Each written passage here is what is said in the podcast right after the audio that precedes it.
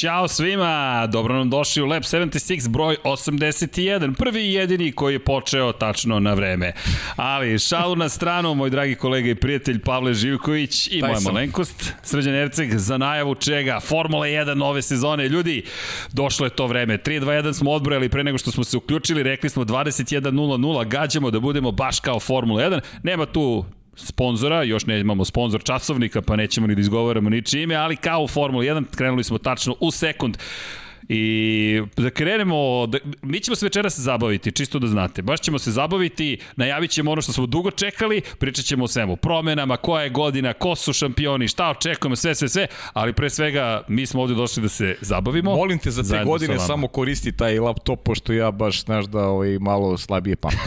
Nema nikakvih problema. Dobro. I pozdrav svima i naravno kao što uvek kažemo, ljudi, vodite računa jednim drugima, mazite se, pazite se, još uvek smo u ludim vremenima i eto, prosto vodite računa, a naravno, nadam se da ćete uživati u Formuli 1, mi smo ona neka pozitivna, ja se nadam i dalje strana, ove godine odložili smo Australiju na vreme, pa nemamo dramu pet ili tri dana pred početak same trke. Pa nadamo se da drame neće da. biti ovog put. Pomerili smo se za kraj sezone, prošle godine bilo baš naporno pred sam Muči početak. me to što treba da se okupimo ponovo pred početak sezone, da ne bude tu neki drame. Kad Vidi, krenuli smo na vreme danas, već to je dramatično, da, da, da. tako da ko zna šta nas čeka. No, da krenemo mi sa Formulom 1, pozdrav svima još jednom, jednom, like, da, evo, piše se like, udrite like ako ste zadovoljni, a i ako niste, udrite like, a i naravno subscribe, tu smo svi zajedno. Ljudi, da krenemo. Prošle godine 70. jubilarno izdanje Formula 1, ove godine 71. Ok, kada stignu na 76. biće najbolja sezona ikada, ali do tada, još tih 5 godina, 71. sezona, pred nama 23 trke, krećemo od velike nagrade Bahreina, krećemo od mesta koje smo posetili dva puta na kraju prethodne sezone, 10 timova, 20 najboljih vozača sveta, 4 svetska šampiona, neke neverovatne Novajlije, pa Da krenemo, pa jo, odakle ćemo? Hoćemo od kalendara, Znaš kako, kako nam izgleda? Ajde, ajde prvo, ajde prvo o, o, od utiska. Pitao me Vanja pre početka čemu se najviše raduješ. To mi je interesantno pitanje, zato što nisam razmišljao uopšte u tom pravcu, a u suštini najviše se radujem onom momentu kada ćemo spoznati kakva će sezona biti. Dakle, taj, ta početna trka u Bahreinu može da nam odgonetne dosta toga i da vidimo kako su u stvari prošla ta predsezonska testiranja, kakav je realan odnos snaga i ja ne mogu da dočekam zaista e, kvalifikacije i samu trku u nedelju. Eto, tome se radujem. Znači, ne, nemam, nemam one neke, znaš ono, e, klasična mala, najava. Mala deca, mala deca hoće sve, znaš. E sad ono kao malo sam, malo sam stariji, pa hoće da se veže za ono što mi je trenutno ovaj, dostupno. E, to je, to je ta prva trka i želim da vidim kako će ona proći. Eto, to me najviše raduje u celoj priči, ta želja da spoznamo da li može sezona da bude interesantnija, a mislim da ćemo spoznati već u, već u nedelju. Ja ću samo da se nadovežem ovo što si rekao, da li može da bude interesantnije, to je utisak. Utisak je drame, bez obzira na dominaciju Mercedesa, bez obzira na činjenicu da u predsezoni opet su imali neke probleme, svake druge, treće godine se nešto pojavi i opet kada dođe prva trka, obično bude dvostruka pobeda za, za pa, jednu od najupečatljivijih ekipa svih vremena, ako ne i najupečatljiviju, koja je ostala na skupu, Lewis Hamilton zajedno s Valterijem Bottasom, jure neverovatnih osam titula za redom, čovjek ima sedam, inače šest ukupno s Mercedesom, jedini put kada nije slavio u ovoj hibridnoj eri bio kada Niko Rosberg osvojio titulu 2016. godine, ima preko 90 pobjeda, juri stotu pobedu ove sezone, to je nešto što bi trebalo da garantuje praktično uspeh Mercedesa. Međutim, onda pogledaš Red Bull koji se pojavio u predsezoni moćniji nego ikada, pogledaš Fernanda Alonso u čim smo, rekao bih, ti ja nekako bojama Alpina i pa da, Renault. Da, tako su, tako su, tako, tako se potrefilo, da. da budemo plavo-žuti. Da, Dom Pablo je izabro, ne znam, ova majica tu šta implicira, ali činjenice da imamo svetski šampione. Ok, 23 trke, ajmo da krenemo nekim redom. Velika nagrada Bahreina je prva. I posle toga, čisto za one koji eventualno ne znaju, 18. aprila idemo na drugu trku, dakle napravit ćemo jednu pauzu lepu A, do, kada se da. završi prva trka, tako da uživajte u ovoj velikoj nagradi Bahreina. E, Moto Grand Prix će početi istog vikenda, imamo dvostruki vikend, ljudi ne znam kako ćemo se snaći, ali ćemo se snaći. Zatim u Imulu Emilija Romanja, velika nagrada, Portugal, 2. maja, u Portimao, 9. maja, velika nagrada Španije i Barcelona, 23. maja Monako, imamo Monako ove godine, velika nagrada Azerbejdžana u Baku u 6. juna, još uvek stoji velika nagrada Kanade 13. juna, naravno staza Gilles Villeneuve u Montrealu, zatim velika nagrada Francuske 27. juna, to je osma trka, Paul Ricard, Le Castellet, zatim 4. jula idemo na veliku nagradu Austrije, Red Bull Ring, pa velika nagrada Velike Britanije 18. jula, očigledno u Britaniji, Silverstone čuveni, 1. augusta Mađarska Hungaroring, onda četiri nedelje pauze, velika nagrada Belgije 29. avgust, 5. septembra Velika nagrada Holandije, Max Verstappen ove godine imaće i domaću stazu, Zandvoort je u pitanju.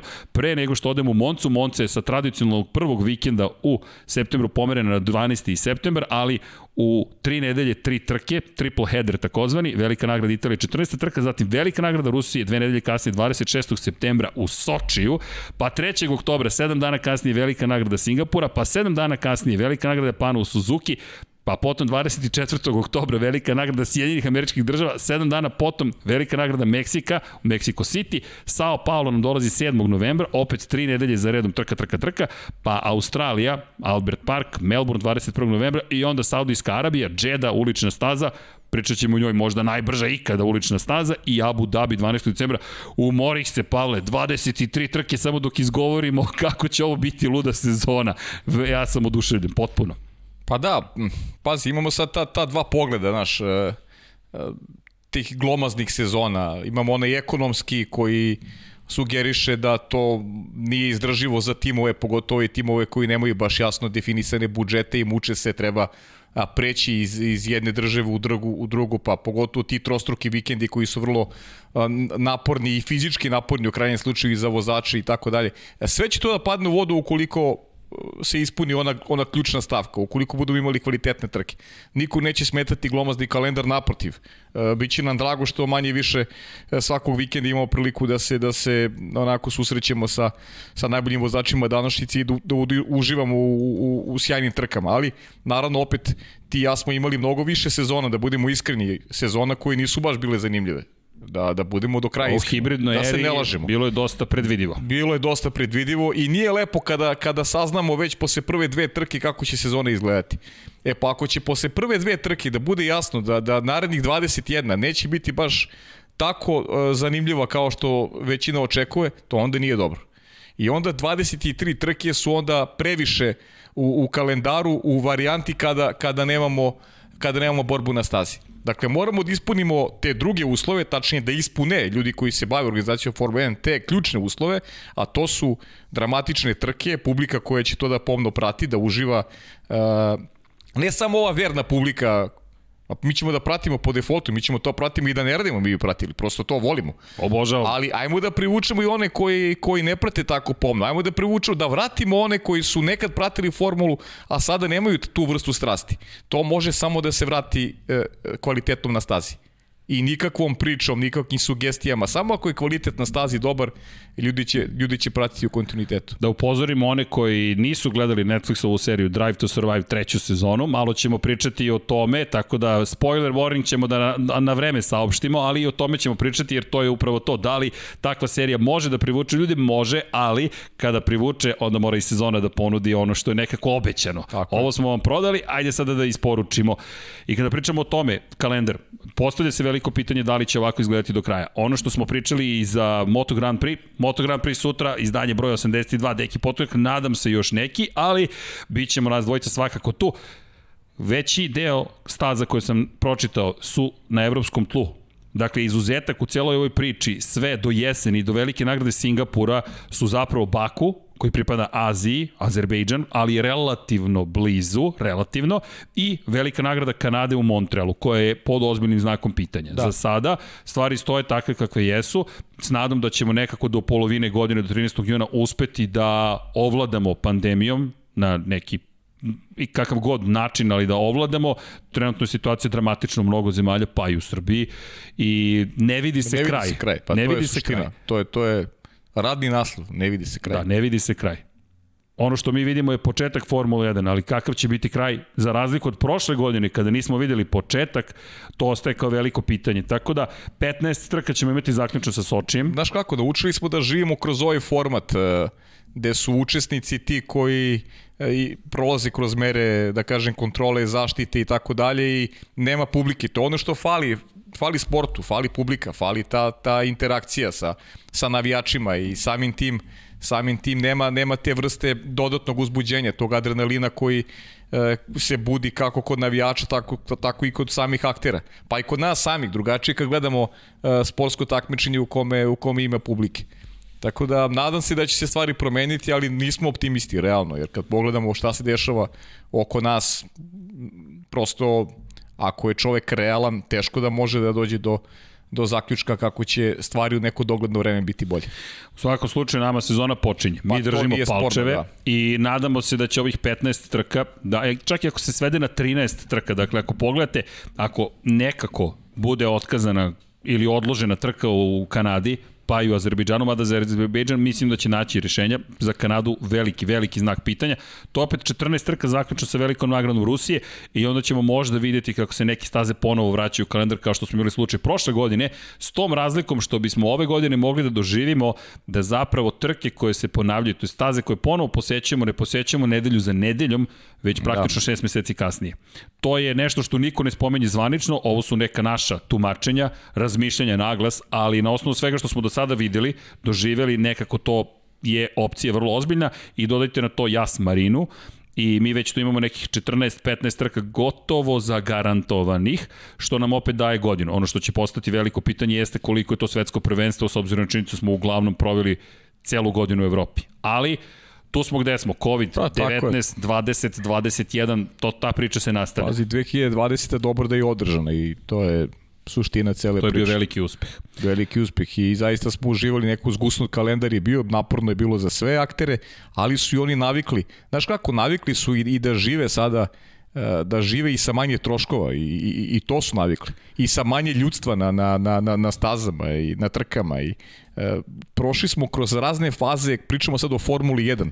E, ne, ne ti ja nužno, nego a i ti ja smo prošli kroz razne faze, ali, ali ekipe su shvatile da možda mogu da redukuju negde e, svoje budžete oko nekih stavki gde se, gde se ranije nije štedelo, a i verujem da se vodi računa sada i o, i o, i o toj vrsti detalja, pogotovo što će sezona biti napornija, a čini mi se uslovi identični kao 2020. godine, makar u ovom prvom delu sezone, ukoliko eto vakcina ne počne da, da daje rezultate i da se konačno rešimo ove pošasti koje nas prati. Na, to, to nam je glavno navijanje za ovu godinu, ali dok ne dođe taj moment, navijaćemo i gledati da, da, budimo, da imamo što više dobrih trka. Prošle godine Mercedes je ponovo potvrdio da je yes. dominantan. Yes. Ove godine u predsezoni nisu bili tako dobri, negde držimo palčeve da će se tu naći prilika da ostali se približe, priključe I ajde da krenemo, ajde da krenemo od ljudi. Ajde, ne, ajde, možemo. Ajde da krenemo od, ljudi. Mislim da misliš od, od vozača. Od vozača ajde. zaslužuju. Ajde. Samo bih napomenuo par stvari. Ove godine ponovo imamo četiri svetska šampiona. Imamo mnogo titula, imamo sedam titula Luisa Hamiltona, imamo četiri titula Sebastiana Vetela koji je posle šest godina u Ferrariju otišao u Aston Martin, nekadašnji Racing Point, da ne zaboravimo, Luis Hamilton ostao na istom mestu. U Formula 1 posle dve godine pauze vratio se Fernando Alonso, dvostruki šampion sveta i Kimi Raikkonen ostao u Alfa Romeo. Hoćemo, hoćemo da krenemo onda od šampiona. Od šampiona. Dodao bih na to one koji su redovno tu, malo onih koji su promenili timove i za kraj, kada reč o ljudima, ali to nije kraj, da pričamo o, o Novajlijama, a potom da pričamo o timovima i da li je Matija Binotto najgenijalniji šef ekipe po mišljenju naših kolega iz VTF1 koji imaju teoriju da je namjerno prošle godine zapravo Ferrari sputao da bi dobili prednost u broju sati koji imaju u aerotunelu. To, to, zvuči kao clickbait, pa. bukvalno, ali eto, da napomenemo zvuči, da, da, si, da ne kažemo da samo kritikujemo Matija Binotu. No, ajmo mir šampiona. Ajmo šampiona, hoćeš, ajmo. hoćeš da krenemo od ovog aktualnog šampiona ili da pa, da krenemo od ovog titula, povratnika? čovek koji juri Ili hoćeš povratnika? Pa, ne, ajde, ne, da može, ajmo, ajmo da krenemo, ajmo da krenemo od Luisa Hamiltona, ajde krenemo od šampiona, da damo, da damo na značaju čovjeku koji osvoje titulu, naravno, i nis, nismo pametni uopšte previše kad kažemo da je opet glavni favorit, naravno, za osvajanje titule. 95 ga, pobeda. Pa da, favoritom ga čini tim za koji vozi on sam koji se kako bih rekao, u, uz taj tim srodio i, i pokazao da je zaista šampion, to, to nema nikakve dileme i e, sve osim njegove osme titule, realno, bilo bi veliko iznenađenje u 2021. godini. Tačka. Dakle, sve ono što se dešavalo u, u predsezoni u smislu uh, njegovog uh, kako bih rekao, nepotpisivanja ugovora, hoće li da ode iz Formule 1, neće. Mislim da to sve bio deo jednog marketičkog plana. Od početka smo znali da će Lewis Hamilton ostati u ekipi, da će potpisati ugovor jer jednostavno ima ima šansu koja se zaista redko ukazuje, koja će se redko ukazati u nekoj da kažem, bliskoj, bliskoj budućnosti nekom vozaču da, da ima toliko dominantnu mašinu u sebe i da e, tu mašinu, e, da kažem, e, tako dobro gura, pod znacima navoda, do, do onih najvećih rezultata, najvećih ostvarenja. Takvu priliku jednostavno Lewis Hamilton nije smeo da propusti, nije propustio i osim nekih njegovih desetak pobeda i osvajanje titule, za mene bi bilo zaista veliko iznenađenje. Kažem desetak pobeda ukoliko bude bilo 23 trke to je neki onako, rekao bih, optimum koji ja očekujem 40% praktično 40% sezone. praktično sezone da na njegovoj strani i osvajanje šampionske titule. Dakle, pričamo popuno, iskreno, otvoreno, bez rukavica pričamo sada ono što mislimo, a vidjet ćemo na kraju koliko smo bili u pravu. Ja bih voleo, iskreno ti kažem, da, da ne budem u pravu. Eto. Prošle. I često bih to voleo da ne budem u pravu kada su u pitanju neka predviđanja, jer želim isto što i svi. Želim da da imamo 20, ako može, različitih pobednika. To bi bio idealan scenarij. A ono što je kod Luisa Hamiltona prošle godine bilo impresivno jeste da u 17 trka zabeležio 11 pobjeda. I kada govorimo o 10 u 23, to je zapravo mnogo lošiji rezultat, i statistički gledano, a i kada pogledate pobeda bi manje to bila, ali prošle godine gotovo ne za Ja se iskreno nadam da će, da će taj procenat biti manji. Iskreno se nadam da će biti manji. Ja, ja želim da taj procenat bude manji. Vidjet ćemo. Da, veliko pitanje je ono što se desilo u predsezoni zapravo i da li je zaista Mercedes u problemima ono što eventualno za zanimljivost samog šampionata bi moglo biti da kažemo, istorijski indikativno jeste da ta prva trka godine mu nikada nije prijela. To jest, to je jedan od gledalaca, ne znam tačno ko rekao, prošli put nas je pitao, ej, svećate kada je poslednji put pobedio?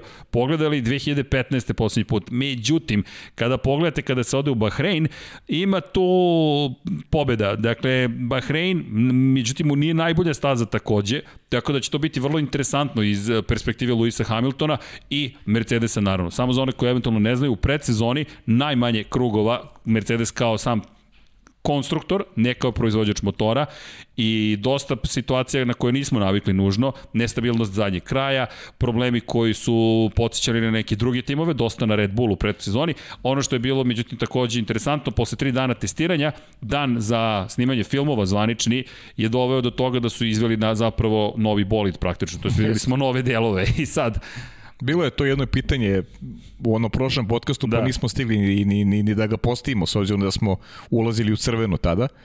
Sad se gasi crvena sveta, mi smo tada ulazili u crveno. Tako, Tako da, mislim, Mercedesa ne, ne otpisujemo. Pa ne da ne otpisujemo, nego Naprotiv. stavljamo ga tamo gde, gde mu je realno mesto, zaista. Njima je realno mesto broj 1 trenutno, a na drugima je da rade bolje. Sad koliko su bolji, to ćemo malo kasnije promo da, da, da izanaliziramo. Izvini, to mi je bilo vrlo zanimljivo u Drive to Survive trojka, za one koji nisu gledali, evo i pozdrav za našeg dragog Ivana koji nam je stigao, dakle, ko nije gledao, upozoravam, malo ću da spominjem ono što se događalo u samom serijalu, ima tu dosta rupa, ali su u deset epizoda dosta zanimljivih stvari spakovali jedna od zanimljivih stvari je bio zapravo odnos bivšeg šefa Renault Cyrila Abitobula koji se mnogo bavio drugim timovima, Racing Pointom konkretno i legalnošću takozvanog roze bolida, to jest roze Mercedesa. S druge strane, Racing Point koji je govorio mi se bavimo sobom i Toto Wolff, to je Mercedes koji je govorio mi se bavimo pre svega sobom. I to mi je bilo vrlo zanimljivo iz perspektive toga kako vodiš svoj tim. Jel se fokusiraš na nekog drugog ili kažeš ajmo mi da postignemo naše ciljeve. Cyril Bitobl više nije tu, stigao je Davide Brivio, pričat ćemo o tome kada dođemo i do Alpine i do Fernanda Alonso, ali eto prosto pogled na to kako Mercedes pa i Lewis Hamilton pristupaju stvarima. Dobro, ali imamo i drugi pogled, srđene. Lako je baviti se sobom kada stvari funkcionišu. Znaš, imali smo i te timove koji sada priča se bave sobom da su nekada gledali u tuđe dvorište zato što uh, su onako tražili tu neku, da kažem, političku igru, političku da, podršku da, i nešto slično, tako da, da imamo, samo da imamo i drugu prizmu. To je više da. bila žalba protiv Racing Pointa, je bio fokus i pobediti Racing Point, a ne toliko fokus na sebe. Mada, kada pogledaš Renault je okrenuo stvari, možda je to bilo nešto što je bilo neophodno ekipi da bude motivisana. Pa, Kako god, Lewis Hamilton favorit za, za odbranu titule, Jest. da dođe do osmog, do osmog zvanja šampiona sveta i do stote pobede. Pet pobeda mu nedostaje od istorijskog triumfa. Michael Schumacher je do prošle godine bio rekorder sa 91 pobedom, prošle godine je došao do 91. Mick Schumacher, koji je jedan od Novajlija ove godišnje šampionata sveta, mu predao očevu kacigu i to iz periodu kada je vozio za Mercedes.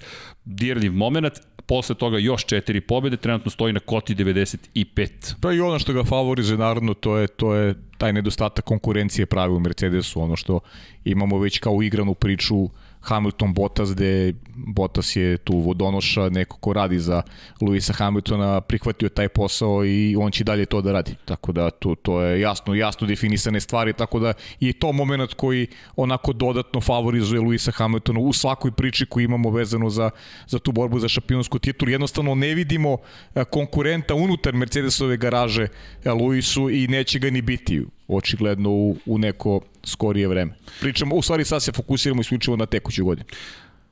Kada spomenješ Bottasa, u Drive to Survive opet vrlo zanimljiva scena u kojoj on govori nisam ja broj 2, nisam ja taj koji je samo suvozač i koji treba da podrži Luisa Hamiltona i fascinantna ta priča na velikoj nagradi Rusije koliko je žele zapravo da pobedi Luisa Hamiltona, ali takođe kako i prihvatio 2018. da se Luisu Hamiltonu skloni u toj istoj Rusiji gde je rekao neće to više nikada ponoviti, ali pretpostavljamo da kada dođe pravi moment da će Valteri prosto po ugovoru svom i pristupu koji je usvojio morati da se skloni. Pa I... suđene, znaš kako, neće niko da kaže ja sam broj 2. Broj 2. Znaš. Ali jeste broj 2. Sve, sve stvari su nacrtane jasno i to se vidi po odlukama tima, po odluci tima i, e, i stalno govorimo da ne ispane sada da bi Valtteri Bottas pobedio Luisa Hamiltona da mu se to, da mu se to dozvoli. Mislim, Lewis Ponekad da, ali ne Ponekad da, ali Lewis Hamilton je realno bolji vozač od Valterija Bottasa i to je suština cele priče. Spominjao si da nema pravog rivala u Mercedesu, ali ukoliko je prošle godine rozni Mercedes bio Racing Point, da li ove godine zeleni Mercedes zapravo Aston Martin i da li čovek koji je dugo čekao poziv Mercedesa, suštinski, kada je počela ta dominantna era, Sebastian Vettel u novim bojama može da dođe do toga, hvala Vanja, da na svoju četvrtu titulu doda po neku pobedu, ne bih išao do titule, ne, ali ne. makar da zakomplikuje život. Mercedes ne može da pobedi Mercedes, to je moja teorija, nema šanse. Mislim, mali Mercedes, veliki Mercedes ne može da pobedi i to stojim iza toga onako jasno kao dan. Sebastian Vettel može da pobedi. Izvini, ovo još nisam čuo, mali Mercedes i pa da, veliki pa Mercedes. To pa to je to, da. To, mali to je i veliki priča. medved. To je ta priča, znaš, ti si stavio šapu na neke timove, isporučiš im svoje agregate i sad oni da te povede. Ne mogu da te povede.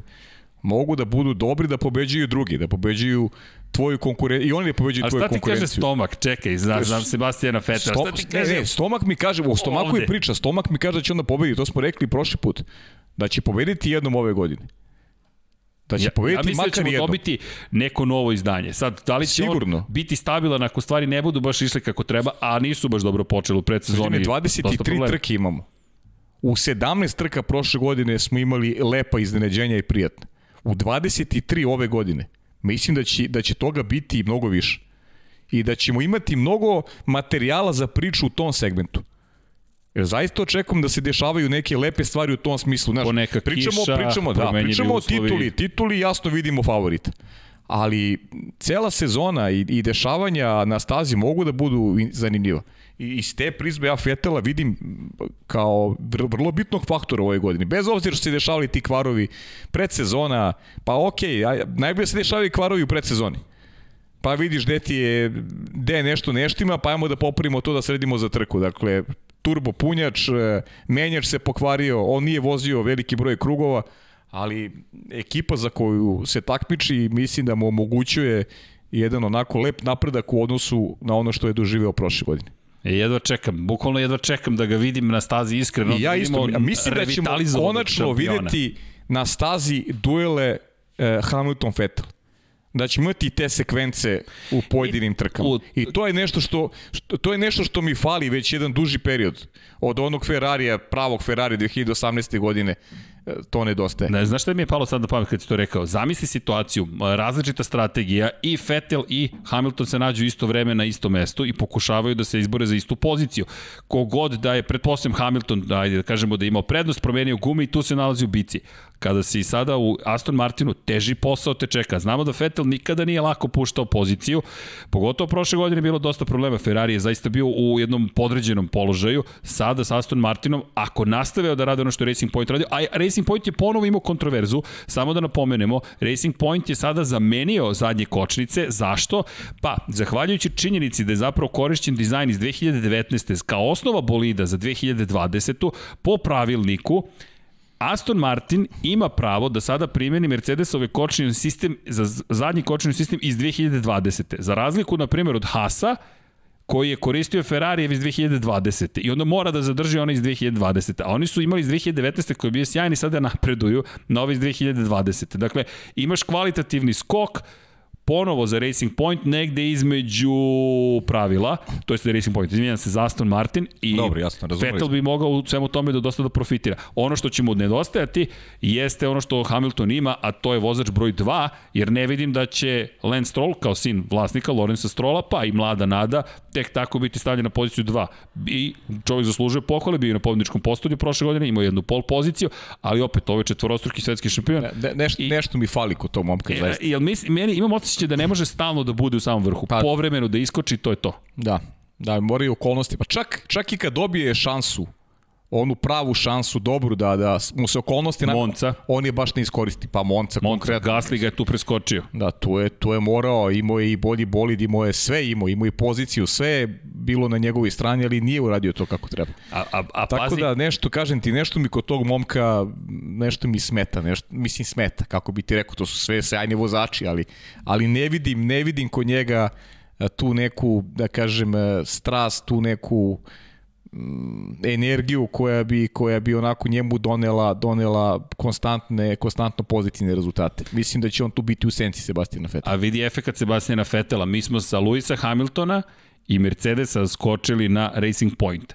Dakle, ne spominjemo Maxa Verstappena i Red Bull odmah, ne spominjemo Ferrari i Charles Leclerc, pa možda i Carlosa Pa ne, srećan, ali rekli smo, prvo ćemo pričamo o šampioni, šampionima. Tako je, tako je, ali koji je to efekat koji ti već donosiš u ostalom ekipi kao četvorostruki svetski šampion? kako ne. Jedan od najuspešnijih svih vremena. Jeste. Malo je ljudi osvojilo jednu titulu, kamoli Pa dve, kamoli tri ili četiri. Ruku na srce, Ferrari je izgubio to nešto odlaskom Sebastijana Vettel. Jer ti sad imaš dva mlada onako vozača koji nisu do kraja ni afirmisana. Ti, ti ne znaš kakvim očekivanjima, ali pričamo posebno Ferrari, da sad ne skačem ja sve na Ferrari temu. će biti, ne, okej, okay, ali, Ali, ali kažem ti, Čekaj, ali jedna digresica, vreme da za daje. hidrataciju. Da, da. Ti si imao jednu prizmu, ja imam prvu digresiju, tako da, Da, je da, sve dobro. okej. Da, da, jeste. u, do, u, u, u, u, pa ništa. Ništa, ajde. Pa evo, za početak nove sezone. Ajde. Samo sledeći Nek put nemojte nek čaj. sa srećom. Ima još jedna bitna stvar u celoj priči, a to je povratnik Fernando Alonso. Moramo da skočimo na njega. Ako Ok, se na zadržimo šampiona. na... Da, Pa idemo. da, idemo krug šampiona. Dve titule prvaka sveta, 2005. i 2006. 15 godina je prošlo od prethodne titule. Međutim, kao što ove boje, kaže Vanja da mi lepo stoji plava boja. Hvala Vanja. To je zbog Alpine, pretpostavljam. Ali žuto je postalo plavo, Renault da. je postao Alpina, Fernando Alonso bi trebalo da je ostao Fernando Alonso.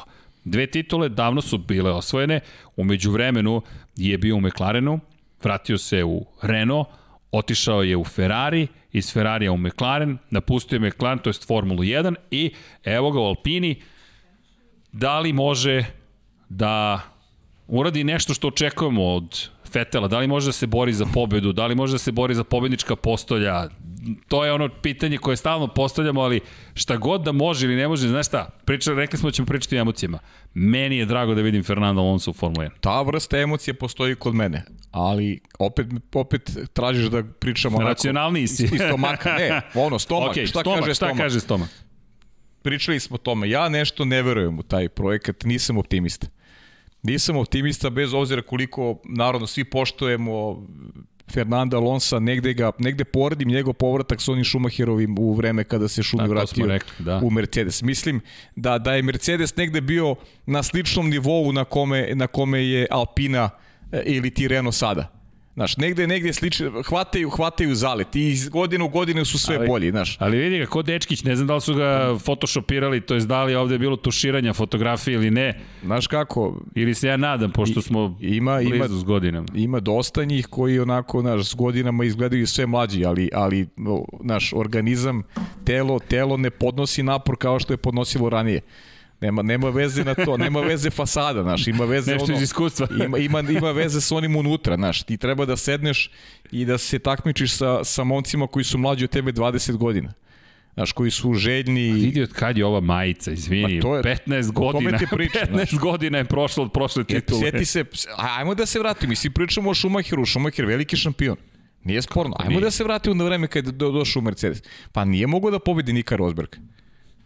On je pomogao mnogo Niku Rosbergu. Misliš, Esteban Okon je test? Esteban Okon je vrhunski test. Esteban Okon koji onako zna da bude i polu divalj, onako, znaš, vozi dobro na svoju ruku. pa ga nema, na, on, on je baš na svoju ruku. Mislim, ja, kako bi ja volim ljude koji su na svoju ruku, iskreno.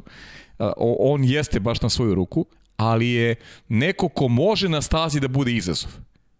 I nisam siguran da će se Esteban Okon libiti da da pokaže zube Fernando Alonso. Naprotiv, deluje kao da će baš hteti da pokaže Fernando upravo Alonso. Upravo to, upravo to. E sad, mi ne znamo, ne možemo da znamo šta se dešava iza kulisa. Jer postoji neke stvari koje ostaju kući, kao što, kao što ti ja kad radim ovaj posao, nešto je samo naše, ne delimo sve sa ljudima sa strane. To je, pa dobro, to je tako, to je nešto što je naše. Tako je. Ali tako imaju oni e, svoje neke, da kažem, stavke, dogovore koji su samo njihovi. Neke stvari ne možemo da znamo, ali na osnovu onoga kako se ponašao Esteban Okon u prošlosti, to ja sam ubeđen da će biti gazdu daske. A vidi, Davide Brivi je doveden iz Moto Grand Prix kao čovek koji je ekspert za rešavanje problematičnih odnosa između klubskih kolega.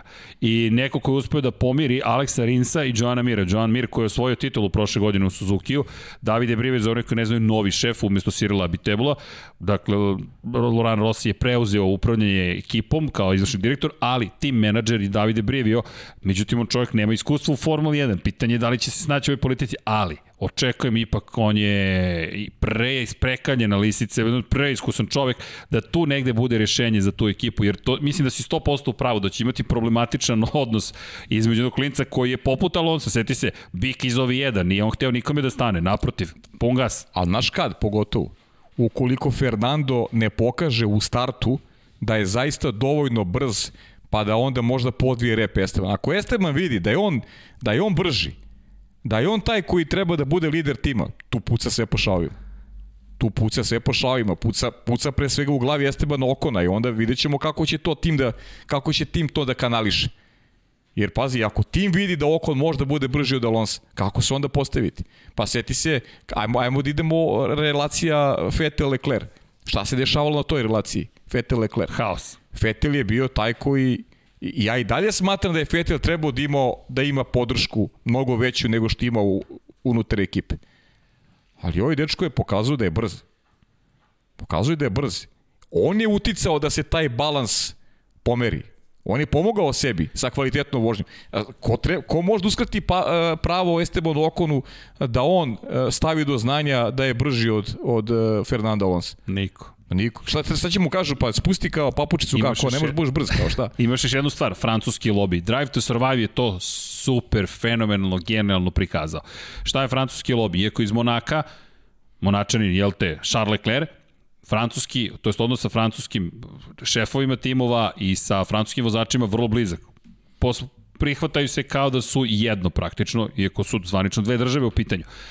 Frederik Vaser, šef Alfa Romeo, koji vodi razgovore sa Charlesom Lecleru, Leclerom o ponašanju Sebastijana Fetela. To je meni bila sjajna epizoda i Sebastian Fetel koji je ironičan, sarkastičan, ciničan čak kada je reč o, o komunikaciji da. s Ferrarijem timom. Izvinjam se, ko nije gledao Drive to Survive, topla preporuka, pogledajte, ima mnogo stvari koje nedostaje, međutim, malo drugačija sezona, prvi utisak mi je bio, ovo je dosadno, onda sam shvatio, ne, ne, ne, ovo je fantastično za nas zapravo, jer nam daje uvid upravo u to.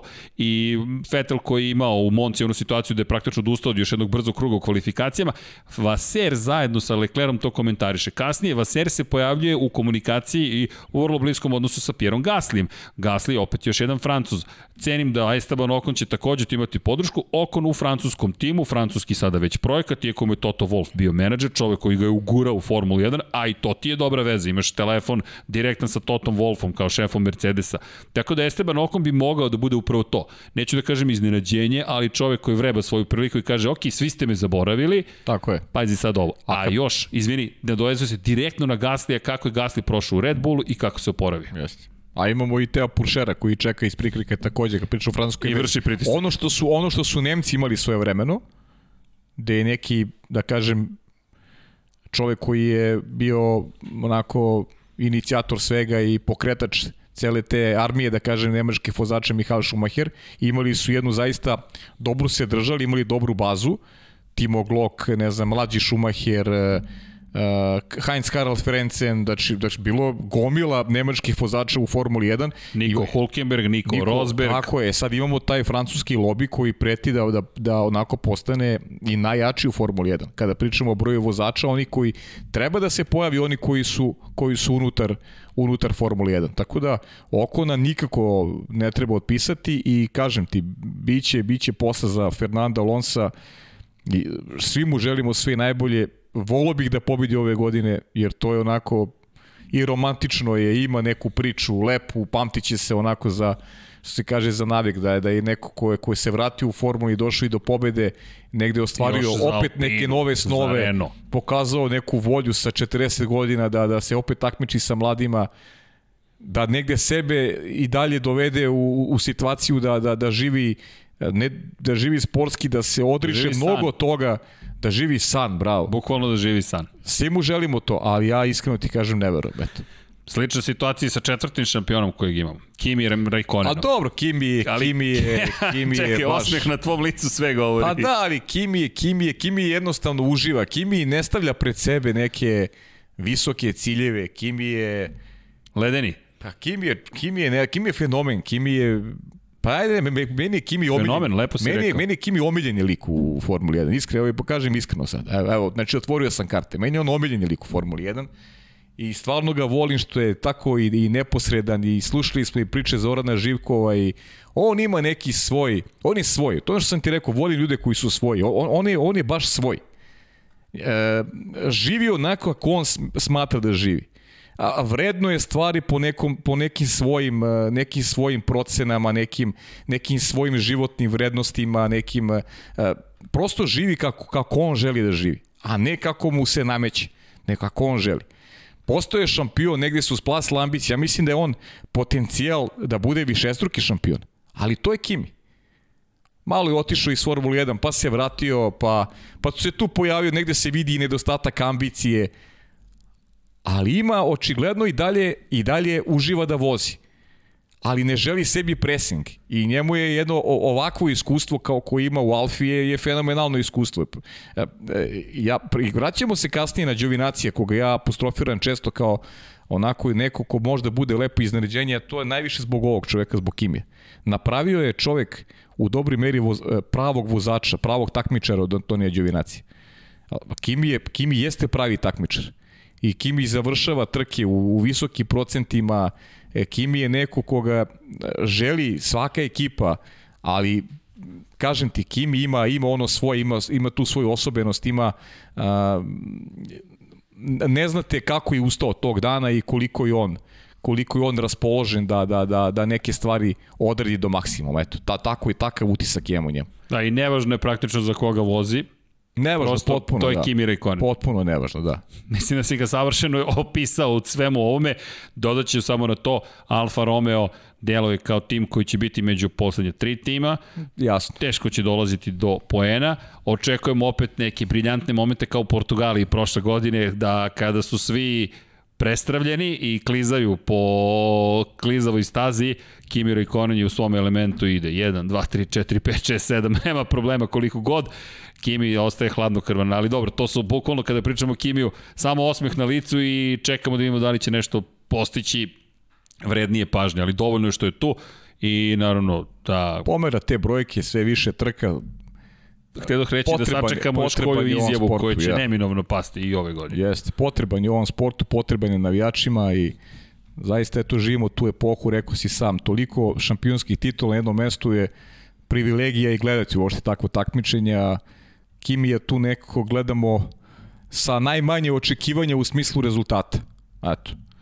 Gledamo da pomeri tu alfu malo više i da utiče da Đovinaci postane još bolji vozač nego što je bio 2020. godine. I deluje da će to i desiti. I Đovinaci deluje vrlo samouvereno. Da, Inače... A podelio je sliku sa Novakom Đokovićem, Đovinaci, tako da... Ako želiš da budeš broj 1, moraš da se družiš s brojem 1. Možda će to uticati, da.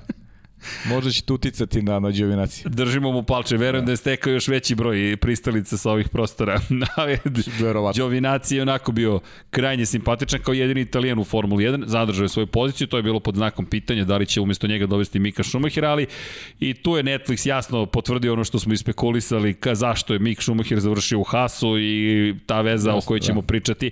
Samo bih napomenuo još jednu stvar, u četiri čoveka 201 pobeda. Da, 95 pripada pobeda ti tih Lewisu Hamiltonu, ali 201 pobjeda između njih četvorice. Kakav rezultat? 32 pobjede inače za Fernanda Alonso, 21 za Kimi Raikkonen i 53 za Sebastijana Vettel. Sjajno, ma mislim, šta reći da ti Ništa, imaš tako... to je sezona pred nama. Tako je. Okay. To, to, ti sad onaj, to, to ti sad onaj generacijski jaz, znaš. Imaš te vozače koji su malo stariji, koji su i dalje onako plene pažnju uh, malo starijih ljubitelja Formule 1 i imaš sad ove klince koji nadolaze, koji su zaista fantastični, koji prete da, da njihovu slavu pomute i zaista su sve bolji i vidjet ćemo kad počne odmeravanje na stazi kako će to da izgleda. Naravno, mašine su drugačije, šteta što nisu iste mašine, ali dobro, bože moj, to je takmičenje proizvođača, uvijek je bilo, pa ne možemo za tim mnogo da kukamo. Da, i kada pričamo o izazivačima, moramo da krenemo od Maxa Verstappen. Pa, mislim, Max je broj 1 Tako je. od generacije koja nema titulu. Pa on je broj 1, da on je broj 1 generalno kada pričamo o izazivačima.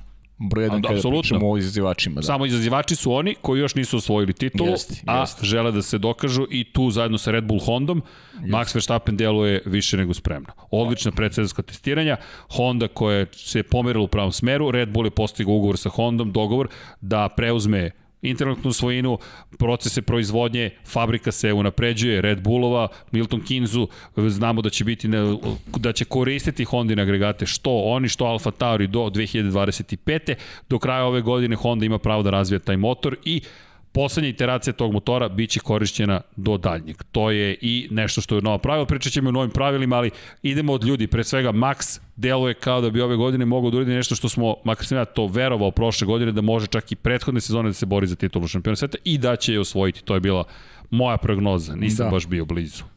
Pa dobro, da, ti, tek ja nisam bio, ja sam rekao će Fetel da se bori za titulu, sećaš se u onom studiju čuvenom. Jeste, da, to smo pa da, pričali da, u studiju. ja sam bio ubeđen da će da ga motiviše, ali, znaš, nismo tada... Znali koliko će Ferrari biti da bude zapravo loš, tako na je, da. Znali smo da, da nije dobro u predsezoni, ali nismo verovali da je to baš toliko loše. Ali Max samo treba se nasloniti na prethodnu godinu, a ona nam jasno govori da je Red Bull u jednoj uzlaznoj liniji u saradnji sa Hondom, da je Max je stariji, Max je zreli, ta zrelo se videla u 2020. godini, jasno se videla. Max je popuno drugačiji vozač odnosno na 2019. godinu. Sada će biti drugačiji odnosno na 2020. godinu. Neko je ko može apsolutno da parira Lewisu Hamiltonu na stazi. Uh, smatram da je on najtalentovaniji vozač u šampionatu Formule 1. O, pričam opet u svoje ime. Ali pitanje je naravno Red Bulla koliko možda mu omogući da u jednoj ovako dugoj sezoni 23 trke da bude kon konkurentan u, kon u kontinuitetu, smatram da je to gotovo nemoguća misija u konkurenciji Mercedes. Dakle, ne verujem da će do promene pravila nešto da se da doći neko do nekih tektonskih poremećaja, ali ubeđen sam da će Max Verstappen imati daleko više pobede nego što je bio slučaj prošle godine. Da će tu Red Bull moći da parira na više staza da bude pravi rival, da se takmiči adekvatno i da naravno da ima pomoć pomoć, po znacima navoda Serhije Pereza, koji, koji će i Maksa gurati napred. To, mislim da to nešto što je trebalo Maksu. Da ima suvozača koji ga gura napred. Jer opet, opet će neko se vrati na Ricarda. Ali da, Max je tada bio opet mlađi. Možda nije dovoljno ni shvatao koliko ulogu imao Ricardo u njegovom napretku. Mislim da ima i, i taj deo priče. Ako smijem da se vratim, izvini, na 2018. naravno, naravno. Mislim da je to najvažnija trka u dosadašnjem delu karijere Maxa Verstappena, važnija čak i od pobede u Španiji. Dakle, mnogo važnije od njegove prve, prve trke u Red Bullu.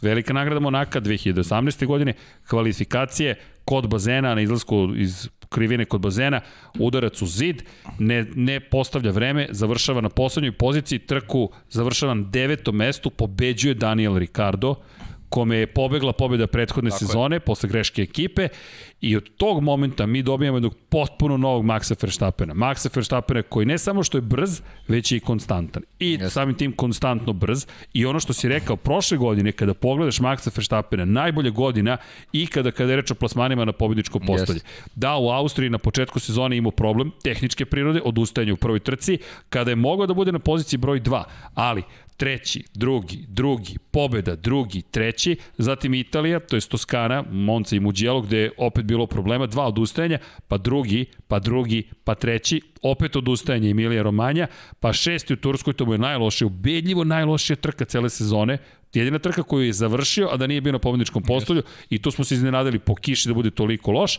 Zatim Bahrein, drugi, Sakir, Šak, da. ono čuveni incident u kojem je čak učestvovao, to je Leclerc kada izbacio i Pereza i yes. Maxa Verstappena, oporavio se Perez, došao do onog nevjerojatnog nevjerojatne pobede i pobeda u Abu Dhabiju na kraju sezone. Ali kada pogledaš da nije bilo kvarova i tih problema, Max je proveo celu godinu na pobedničkom postolju. Ukoliko želiš da ugroziš Hamiltona, to je jedini način. Pa znaš šta, Sakir je bio klasičan primer, recimo, ok, nije on kriv, ali e, Sakir je bio klasičan primer gde on svestan, de, on je svestan svoje moći. On je, on je i dalje, on je mlad čovek i dalje. I dalje mlad čovek. To zaboravljamo koliko on mlad. E, on je bio svestan da je tu on favorit. Nema Luisa Hamiltona. On zna da je favorit tu. I to je opet e, malo drugačija dimenzija, jer to je nešto na što on nije navikao. Nije navikao da... E, da nije da, izazivač. Da ga, tako je, i da ga javnost proglašava favoritom, a da je i svoj glavi takođe svestan da je favorit. I to je neki balans koji, koji mlad čovek treba da pronađe, znaš, to je, to je proces. Sve je u životu proces. I taj Sakir je proces. Nešto što je takođe prošlo, nešto opet odakle izvukao povuke, e, Istanbul takođe, mislim da će Max biti nenormalno jako u ovoj godini. Da će bi, uh, Max Verstappen je uh, jedan od redkih vozača koji 2020. godine izlačio maksimum iz svake trke. Ovo što si ti nabrojao sad, to je, to je sve bio maksimum što je mogao Red Bull. Dakle, ti izlačiš iz nedelju u nedelju maksimum. To je dokaz kvaliteta, stabilnosti, mentalne, fizičke, kako, kako god hoćeš. I, izvini, još jedna stvar. Ako poslušaš njegove radio poruke, oni su se manje više cele godine zabavljali. Iako su znali da ne mogu da pobede tako lako i da će to biti veoma naporno. Oni su se zabavljali. Kod ti kada poslušaš kraj trka, u ovo je bilo zabavno, u super je, u jeste se uspavali, u, stalno je bio na vrlo visokim pozitivnim notama i tonovi koji su dolazili iz cijele ekipe su nešto što želiš ukoliko planiraš da se boriš za titulu šampiona sveta. I da, da. slažem se s to, Max deluje baš moćno, pogotovo sada u samopouznanje, jer šta mi ponavljamo, bukvalno ponavljamo rečenice svake godine. Kada bi Red Bull bio bolji na početku sezone? Bravo, suština cele priče. Šansa bi postojala. Jeste. E, ajde da vidimo da li su tu. I to je ono što si rekao da čekam da počne da vidimo gde smo u celoj ovoj priči. Samo, znaš, ja, ja se nadam da nećemo, mislim ne možemo da dobijemo nakon jedne trke smernice, ali možemo da vidimo Bar neki, neki, neki odgovori. pravac da naslutimo. Pa onda idemo dalje, onda je lepo što čekamo dve nedelje do sledeće trke. Tri. Tri nedelje, tri. bravo. Tri. Tri nedelje čekamo sledeće trke. Tako da, e, negde april, mesec, kraj aprila, mi ćemo manje više znati u kom pravcu se stvari odvije. A pazi, idemo u Imolu ni manje ni više za drugu trku sezone. Idemo u Imolu koju smo se, da, uzžaje, da, ovi bolidi od 5,5 metara su teški u toj Imoli, ali ipak je to i dalje Imola i to je dalje jedna od kraljica brzine, ne znam, i predivno mesto i naravno, sentimentalno mesto, tu je i zastava, tu je i knjiga Ayrtona Senu i Rolanda Ratzenbergera ćemo uvijek pamtiti kada god odemo u Imolu, ali generalno kada pogledaš, Imola je druga da. trka. I tu sad, zato ovaj Bahrein možda još važniji iz te perspektive. Čekaj, ko zada prvi udarac, nije završio bitku, naravno, ali pa ne, si je naravno. počeo. Počeo si lepo, uvek je dobro početi. Kako treba, to je Da, i tebi i meni, dakle, Max deluje kao taj koji ne, ne, će da izazove... Pa, prvi, prvi izazivač, nema, nema, ajde ne kažem jedini, ali... Ali, ali nije daleko ali od toga. Ali nije daleko, mislim. A ko bi nam bio drugi izazivač? Pa ne, pravi. Ne vidim. Ja ga ne vidim isto. Ne vidim, ne vidim, zaista. Mislim da je ispod Ham, Hamilton, Verstappen da je to prva, to je to, to prva kategorija. Ostale šampione spominjamo jer dužni smo, to su prosto legende ovoga sporta. Tako je, da, da. Ali ne očekujemo bitku za titulu za pobede Fetela, ono što smo rekli, možda Alonsa na pobedničkom postoju, le, romantično, lepo si rekao bi bila pobeda, Kimi poeni uz neku impresivnu situaciju i onda dolazimo do Maxa kao suštinskog izazivača i sad, Jest. tu je praznina. Tu je, ono, jest, tu je sad imamo jedno veliko znak pitanja vakum, vakum i tu bih ubacio u taj vakum Ferrari.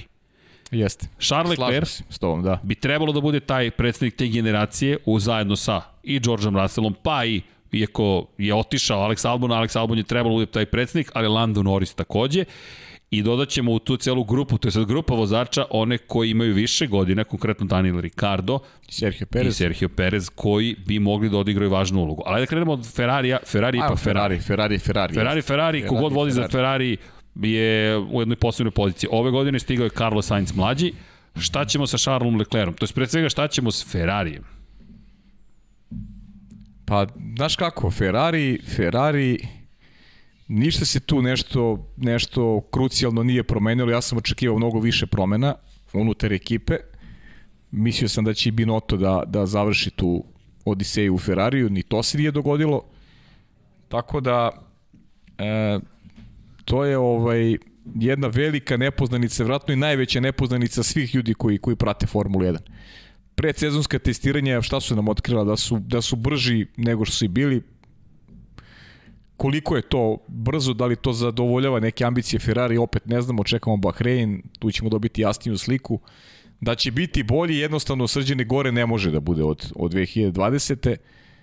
Verovatno će tu biti podijum. Ono što očekujemo, meni je nemoguće da Ferrari ne zabeleži makar jednu pobedu ove godine. To mi je onako zaista bi to bio veliki udarac za ekipu da i 2021. prođe bez pobedu 23 trke namestit će se okolnosti ako su brži a, tre, a, a sve e, govori da jesu jedna pobeda Charles Leclerc pre svega rekao bih da je nešto što je što je realno za Ferrari i mogli bi da se bore za poziciju broj 3 u konkurenciji konstruktora. Podsećanja radi, prošle godine u 17 trka Ukupno smo imali 13 pobjeda Mercedesa, 11 pobjeda Luisa Hamiltona, dve pobjede Valterija Bottasa, Bottas je slavio na početku sezone u Austriji i u Rusiji. Red Bull Racing, dve pobjede, Max Verstappen, velika nagrada 70. godišnjice istorije Formule 1, Alfa Tauri, zajedno sa fantastičnim Pierom Gaslijem, evo Dom Pablo ima osmeh na licu kada spomenemo Piera Gaslija, u svakom slučaju Alfa Tauri je zabeležio taj triumf i tim koji još zabeležio pobedu je Racing Point, to jest Sergio Perez u onom neverovatnom, inspirativnom nastupu kada je već dobio otkaz i kada smo verovali da mu nema budućnosti u Formuli 1. Tako da Ferrari nije čak ni bio blizu da, nijednog trenutka. Da, vidiš kako, evo, evo, pogledaj sad, znači pričamo ti ja popuno iskreno sad. Znači otvorili smo karte. I nekako uh, zastajem dok govorim jer ne znam šta da kažem u suštini. Znaš, kada je Ferrari u pitanju. Ali ajmo, ajmo pozitivne po, stvari. Pokušam da budem, pokušam da budem onako iskren, da, da pričam, što se kaže ali, isto maka, ali, ali ne, nešto mi ne ide. Zato što... Bilo kakav osjećaj. Vrlo, vrlo tanak. Znaš šta nedostaje? Vrlo tanak kad je Ferrari u pitanju, baš... Uh, uh, očekivao sam malo više... Prošle godine kažnjeni, izvini. Da. Kažnjeni. Pazi, nemojmo to zaboraviti. Tajni dogovor koji, pa, dobro, za, ja. koji je stupio na snagu 2020. i 2019. godine su od velike nagrade Sjedinih američkih država bili mnogo slabiji nego što su do tada, kada je došlo do pojašnjenja pravilnika o sagorevanju dodatnog jelte, ulja i kada je zapravo na protest Red Bulla i Mercedesa uh -huh. reagovala Međunarodna automobilska federacija. Potom na kraju sezone, iako Matija Binotto šef Ferrari dalje odbija da kaže da su išta prekršili od pravilnika, govori da Nije ništa prekašeno, međutim taj dogovor je stupio na snagu 2020. mi smo videli slabašni Ferrari, slabašnu ekipu Haasa, slabašnu ekipu Alfa Romeo koji je delovala kao da je pripremila dobar bolid aerodinamički, ali manje više svi su kažnjeni. Mika Salo, jedan od sudija, zvaničnih sudija, inače sudija je bio na poslednjoj trti sezone prošle godine u Abu Dhabiju, na kojoj je slavio Max Verstappen, rekao je da sada ćemo vidjeti snagu Alfa Romeo kada mogu da koriste svo gorivo koje je na raspolaganju. I sad, kada to kaže sudija u nekom neformalnom razgovoru, pa to postane zvanično, pa onda on to povuče kao izjavu, deluje da to može da pomogne Ferrariju da se vrati među vodeće tri ekipe. E sad, da li je to dovoljno? E, ali sad, znaš kako, sad ti ja pričamo o, pričamo o sportu. Znaš, pričamo isključivo o sportu, o, o onome što je ekipa. Znači, Charles Leclerc, Carlos Sainz. Znaš, e, imamo iskustva Ferrari iz prošle godine, koliko su bili loši, I sad ide ta tvoja, da li je dovoljno da sve što si naveo, da možda omogući Ferrariju da budu značajno bolje nego što je bilo u slučaju prethodne godine. Ja zaista verujem da, da ne mogu da budu gori. Jer mi je neshvatljivo da Ferrari veže tako dve loše sezone. Iako već sada počinje da pričaju o tome da će već nakon 3-4 trke oni da se posvete 2022. Da, da. Tako je, prave odstupnicu već sada. Uh, kažem ti, uh, očekujem jednu pobedu.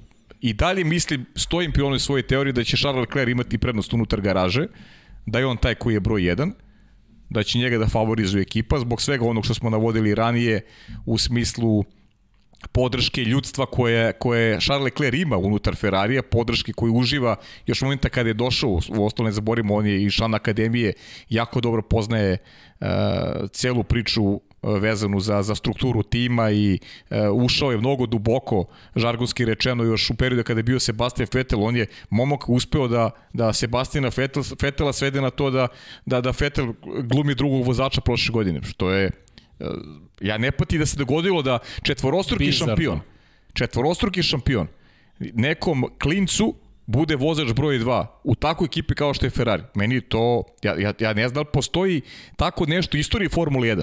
E, to ti govori koliko, koliko podršku uživa Charles Leclerc. A da li je on taj koji može da bude lider projekta sada? Da li je on taj koji može da ispuni ono što Ferrari od njega očekuje?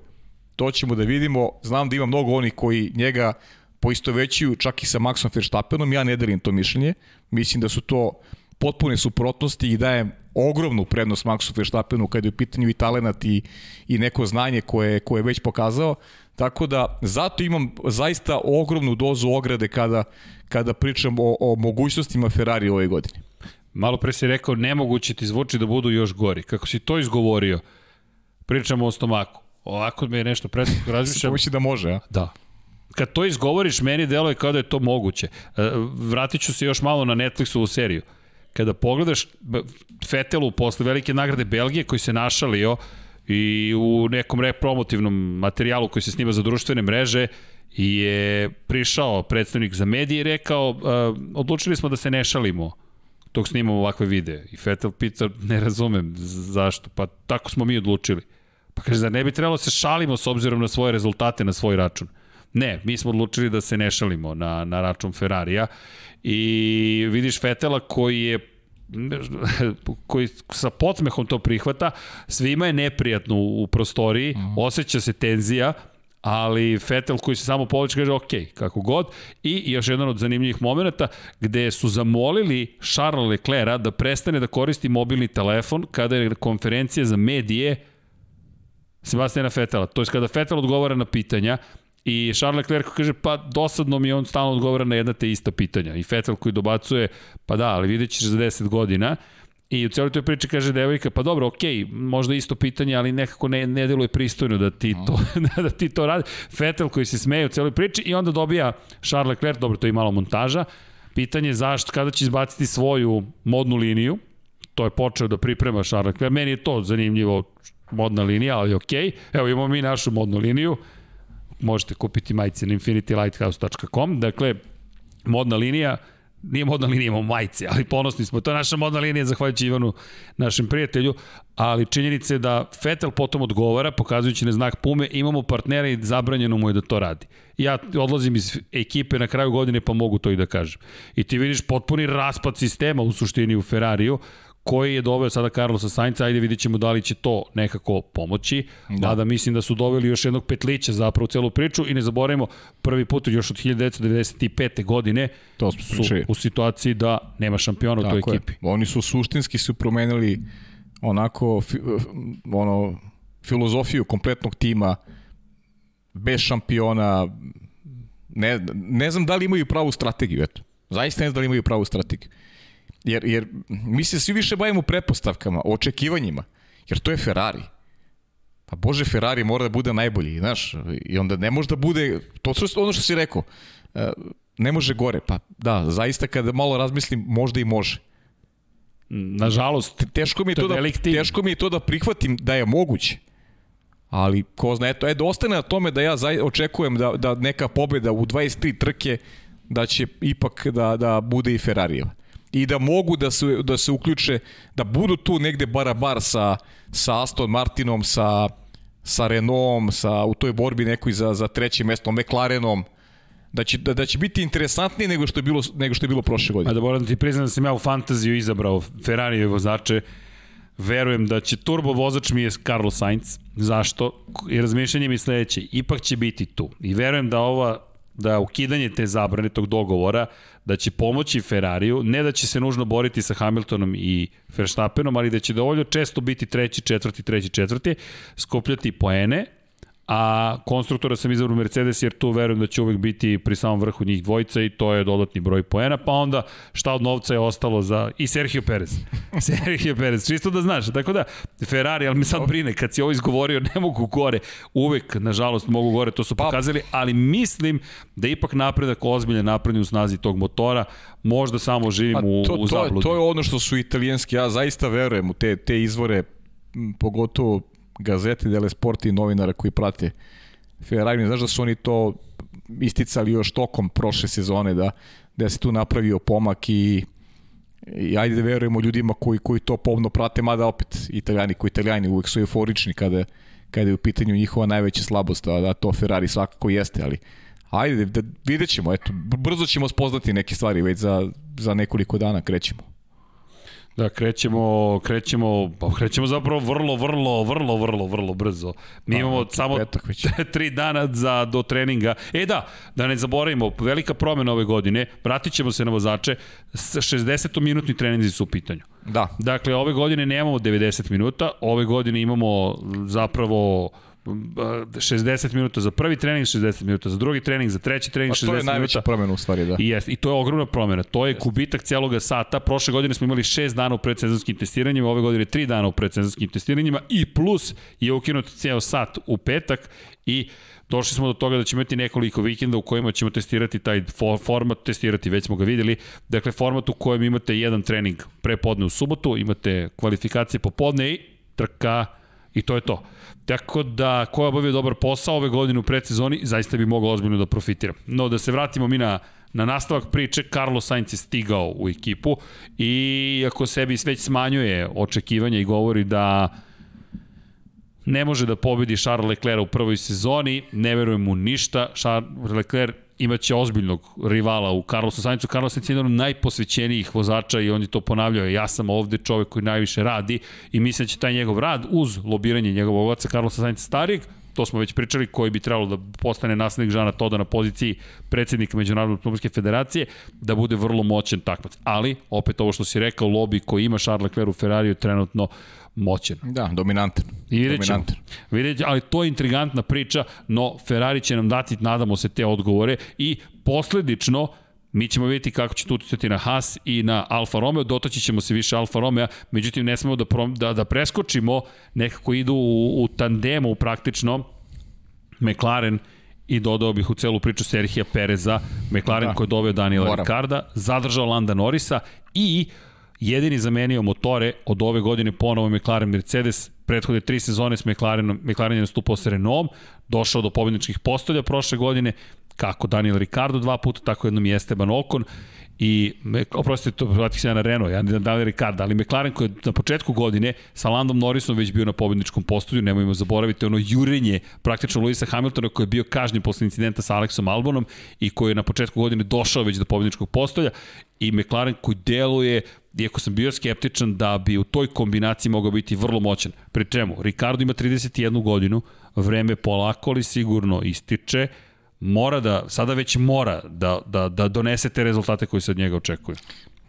Da, interesantna kombinacija. Dva vozača koja onako baš volim, jednog i drugog, i Ricarda i, i, i Landa Norisa, a opet očekivanje rekao bi da su, da su manje više identična sa obe strane. Pričaš o tom iskustvu Ricarda, ali Lando je već, nije ni Lando više klinac, nije ni Lando više neko ko je tu došao, kao tek se pojavio, ima iskustvo to sa, sa Carlosom Saincom i on se osjeća kao domaćin u toj ekipi. Osjeća se kao domaćin u, u, u McLarenu.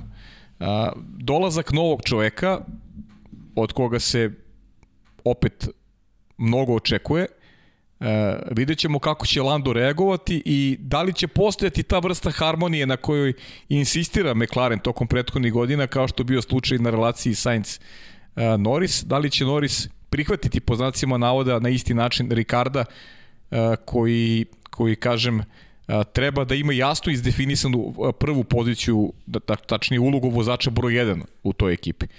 Nešto slično pa ne mogu baš da kažem da je to da je identično, ali nešto slično pop, poput recimo uh, Asto, uh, Renault, gde, gde su Alonso i, i, i Esteban Ocon gde, gde smo već pojasnili šta treba očekivati od Esteban Okona i kakav je tu, uh, kakav je tu raspored snaga.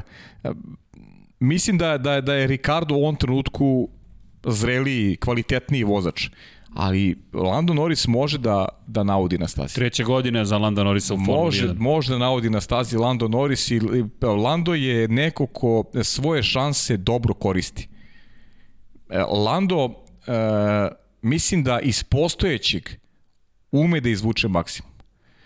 A Lando čak i kada ima loše kvalifikacije, iz trke zna da izvuče maksimum. E, nema problem sa, sa psihom nema problem sa, sa nekom e, motivacijom, nema problem, ima, ima kratko pamćenje, što bi sportisti rekli. Čak i neka greška ne utiče na njega, brzo to zaboravlja i ide dalje. E, vozi svoju priču. Mislim da je, da je, da je jako dobar, jako dobar tandem vozača ima, ima ekipa ekipa McLarena, a ti znaš da sam ja nekako e, onako baš nastrojen onako Ricardovski što bi rekli, on mi je nekako kao uh, vidim nekog kimija u njemu, malo drugačijeg, ali, ali uh, nije to isti karakter, ali nekako najviše mi liči Ricardo na, na, na Kimija Rekonena. Ima tu neku harizmu, neku zaraznu harizmu, ima, ima dobar stav i na, sta, ima dobar stav i na stazi. Baš interesantna kombinacija McLaren, mislim da će zbog te kombinacije McLaren i oni koji ne navijaju za McLaren, bit će im ta ekipa jako simpatična u 2021. I, I možda su oni u suštini srđeni glavni favoriti za osvajanje tog trećeg mesta. Da, to je velika bitka.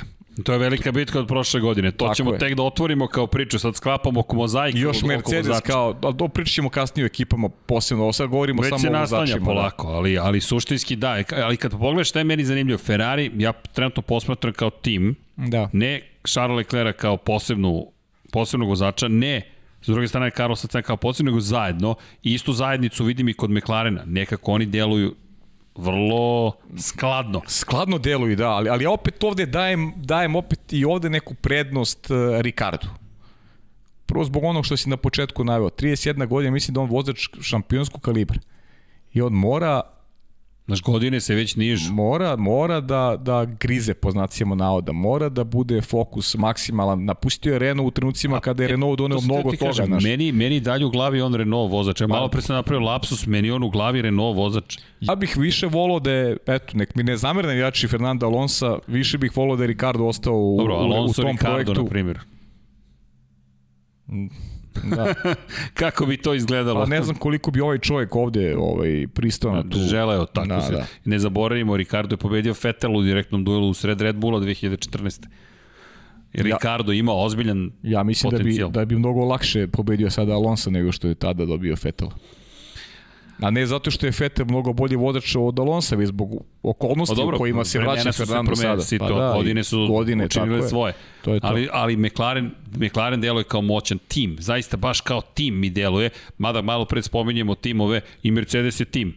Da, Lewis Hamilton je tu jasni istaknuti vođe. Kad pogledaš koji je jasni istaknuti vođe, to bih mogao još da dodam eventualno za Maxa Verstappena, da je jasno jasan vođa, ali to otvara pitanje Serhija Pereza. Da li misliš da će Serhio Perez, koji je prekukao prošle godine, život nije fair, Formula 1 nije fair, E, I u tom momentu zaista deluje da nije fair, ali je dobio možda i najbolji posao u tom trenutku. Ne, najbolji posao koji je mogao da zamisli u tom trenutku, da bude drugi vozač Red Bulla. E sad, da li je on vozač broj 2 ili će reći ovo je sada prilika za Serhije Pereza? Prati ispoje Pjera Gaslija o dešavanjima u, u Red Bullu otvorio dušu kako je otišao razgovor sa Kristijanom Hornerom gde je tražio bolje uslove i način na koji mu je dr. Helmut Marko saopštio da nije više deo tima, da mora da ga zamene sa Aleksom Albonom. Dobro. sve mi to, sve mi to sugeriše da su jasno podeljene uloge. pozicije, da, da, uloge da, da Sergio Perez jako dobro, jako dobro zna gde je došao i šta je njegova uloga. Pritom, ajmo da pričamo iz ove prizme. Prizme.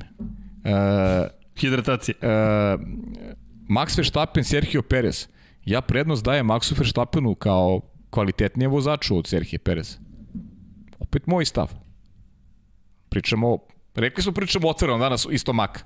Tako, moj stav da je Max Verstappen daleko bolje vozač Serhije Perez. I da je Sergio svestan da dolazi u Maxovu ekipu. Da li će, da li će Sergio dobiti priliku da sa Red Bullom pobeđuje? Hoće naravno. Hoće naravno. Pa takvu priliku imao i Alex Albon. I Alex Albon je mogu da pobeđuje sa Red Bullom, da mu, setimo se prošle godine da, da nije bilo one greške Luisa Hamiltona, Albon je mogu da pobedi e, prošle godine u trci, možda bismo drugačiju priču imali danas, možda Serhija Pereza ne bi bilo danas u Red Bullu, nego bi Albon ostao. Albon, a Sergio Perez će svakako imati e, više šansi od Alex Albona da, da pobeđuje u trkama. I to je nešto što treba Red Bullu. Treba neko ko će da, da bude bolji od Valterija pa, Bottasa. To su ponavljali cele prošle godine i prethodnih godina. Potreba nam je i drugi vozač da se umeša u celu tu bitku. Yes. Što opet čini tu kombinaciju zapravo duel kombinacija. Verstappen Perez protiv Hamiltona Bottasa ovo koliko Perez se zaista prilagodi bolidu kako mislimo i verujemo da hoće. Rekao je da mu je potrebno vreme, samo tri dana ima u bolidu, ali nekako uz iskustvo koje donosi sa sobom Sergio Perez deluje da će to biti da prilika. I drugo, videli smo koliko je on motivisan u ovom momentu i ne zaboravimo, to je jednogodišnji ugovor. To je one and done ako nisi dovoljno dobar. I Red Bull je tu dobro odigrao. Ti znaš da, da u Red Bullu može, može da bude ugovori na pola godine. može i na pola godine, kao što je Gasly vrlo dobro Pa kao što je video konačno i, i njegov prethodnik u celoj priči Dani Kvjat. Kvjat koji je imao pobedničko postolje i dobio otkaz. Posle kontakta sa Ferrarijem, to je sa Sebastianom Vettel. Red Bull ima kapital, a kapital je Max Verstappen. Ko će biti lider kad siđe sa scene ova generacija šampiona s kojima smo otvorili naš podcast? Pa deluje da će biti Max. Pa to je taj I kapital. I onda Leclerc, pa Tako pa Russell ako dobije priliku da uđe u e, dobar bolid. A ti čuvaš taj kap, ti mora čuvaš taj kapital. Ovo im je, pa ovo im je poslednja šansa praktično da, da ga sačuvaju. Tako je. Jer ukoliko ne urade svoj posao, vrlo brzo bi se moglo desiti da kaže Max, je okej, okay, vreme je za neke nove izazove. A svi bi želeli Maxa Verstappen u svojim redovima. Pogotovo sada kad odeš veliku nagradu u Holandije. Bez obzira što verovatno neće biti gledalaca, to je opet velika nagrada Holandije. Kalendar je promenjen de facto pa naravno. pod uticajem Maxa Verstappena. Jasno kalendar ceo je promenjen. I Zandvort se vratio, koja je stara staza i nije baš nužno za ove peto i po metarske bolide, ali opet lepo je vidjeti Zandvort u kalendaru. Da. I no, lepo je vidjeti čeka, naravno. Naravno. Formula 1, to ono što smo pričali nakon ne čuvene pobede i cela priča je bajkovita bila s kraja sezone. Čeko je taj koji je i Racing Point gurnuo do, do do, do, do tih e, visina koje su dosegli do samog kraja, daleko bolji deo tima u momentu kada je vozio čak i slabiji automobil u odnosu na, na, na Lensa Strola, napravio takve rezultate. Čeko je sjajan vozač, nema dileme, ali, ali dolazi, dolazi u Maxov tim, on dolazi pa, u Maxov tim. Vidi da nije bilo kazne Racing Point i oduzetih 15 poena u šampionatu konstruktora. Čeko pobedom svojom bi de facto Racing Point stavio ispred McLarena u borbi za treću poziciju u šampionatu konstruktora. Čeko nije dobio šansu kad je trebalo Sećaš se onaj period Ferrari, čuveni. McLaren, McLaren, tako je, pa je bilo priče oko Ferrarija.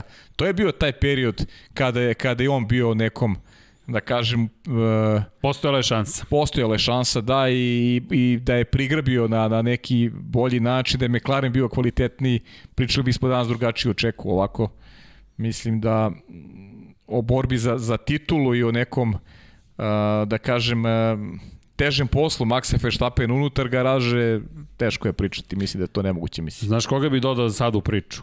Ajde. Pjera Gaslija. Pjera Gaslija i Lensa Strola. Pjera Gaslija, zahvaljujući pre svega vozačkim sposobnostima, onome što je pokazao, Alfa Tauri, bez obzira na tu pobedu, prošle godine ne možemo reći da je to bio tim koji se bori za sam vrh, dakle Alfa Tauri ima tu dosta problema, ne mogu ti da kažem problema nužno, ali za ostatak postoji ozbiljen u odnosu na vodeće timove, to jest na timove koji nisu Mercedes i Red Bull, ili možda čak i Ferrari ove godine, tako da zbog toga Gasly mi neko ulazi u tu grupu i ne bih pocenio nikako Lensa Strola, ali opet ne ide mi u ovu grupu vozača koju smo spomenuli malo pre, međutim ne, u Aston Martinu, s obzirom na činjenicu da je bio na pobedničkom postoju, da je svoju pol poziciju prošle godine, čini mi se da bismo tu mogli zapravo dobiti bitku. Ne zaboravimo, Alfa Tauri na kraju godine imao 107 poena, međutim, ta jedna pobeda, tih 25 bodova su četvrtina praktično osvojenih poena za Alfa Tauri tokom cele sezone. Neka imaju još jednu takvu trku, opet ne vidim da su adekvatan takmac što Aston Martinu, što McLarenu, pa naravno u celoj priči i Alpini sada koja koja, koja deluje da je napravila opet korek u napred. Tako da, Pierre Gasly, kako je tvoje mišljenje? Lance Stroll, Pierre Gasly. To mi tako deluje. Pierre Gasly ili Lance Stroll, glasam za Pierre Gasly. Ne, ne, znam, ali uz bolid.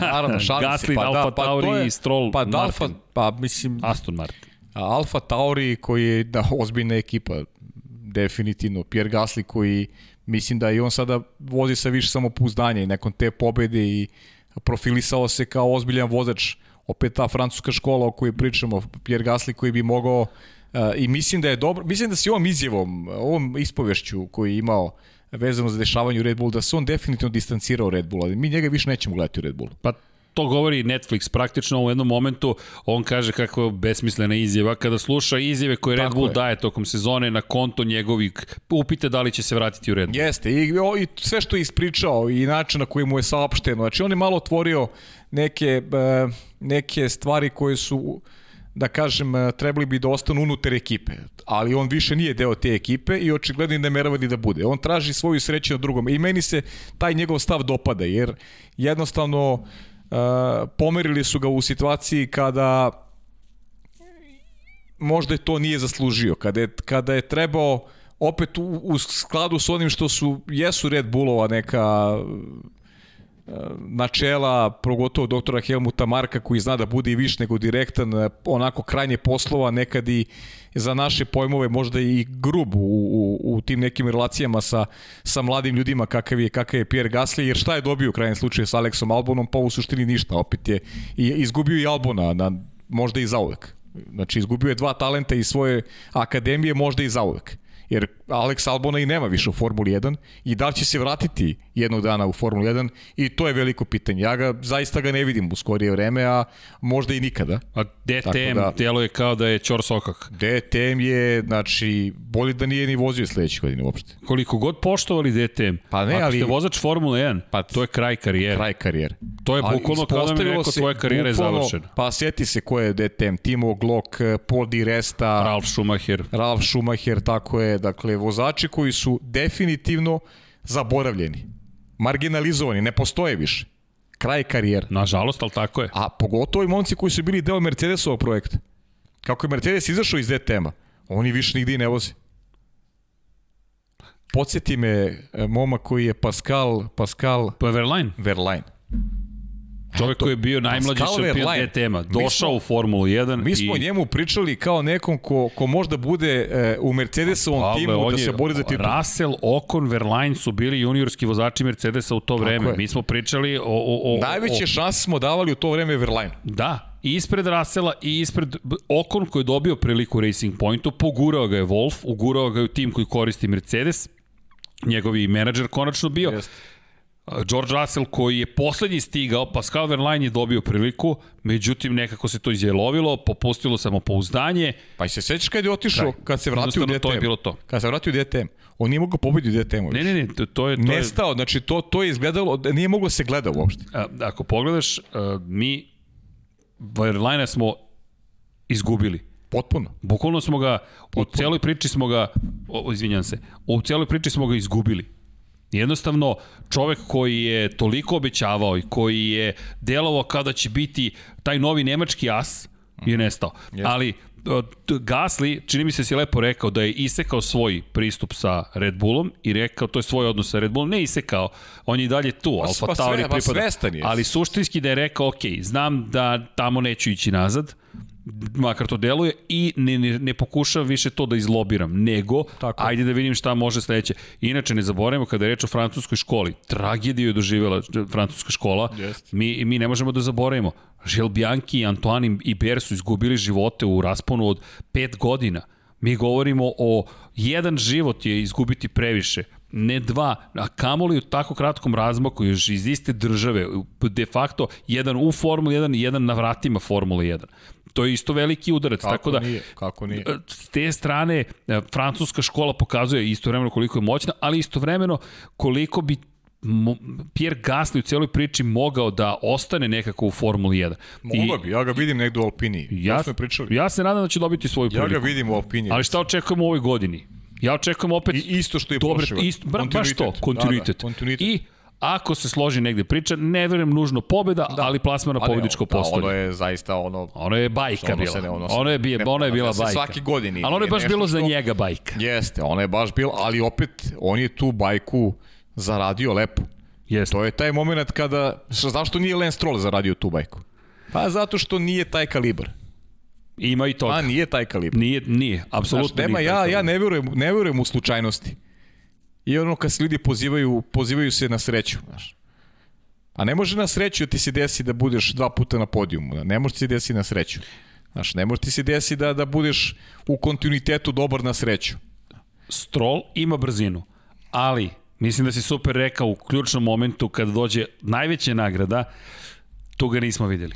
Ali opet, Toga nismo kažem ti, i njegovi podijumi su dokaz kvaliteta. Jesu. Ali nema, nema, nema ono nešto što, nema ono što ga, što ga negde definiše kao čoveka koga od koga treba očekivati i neki neki napredak veći, možda bolji rezultat. Vidi, to bi moglo da se desi, da se prosto, ali i za njega je to izazov. Došao, ti, došao je Sebastian Vettel. Sad zamisli ako Stroll počne da pobeđuje Sebastian Vettela redovno i da pokazuje, ej, pa možda ja mogu još jedan korak da ipak napravim.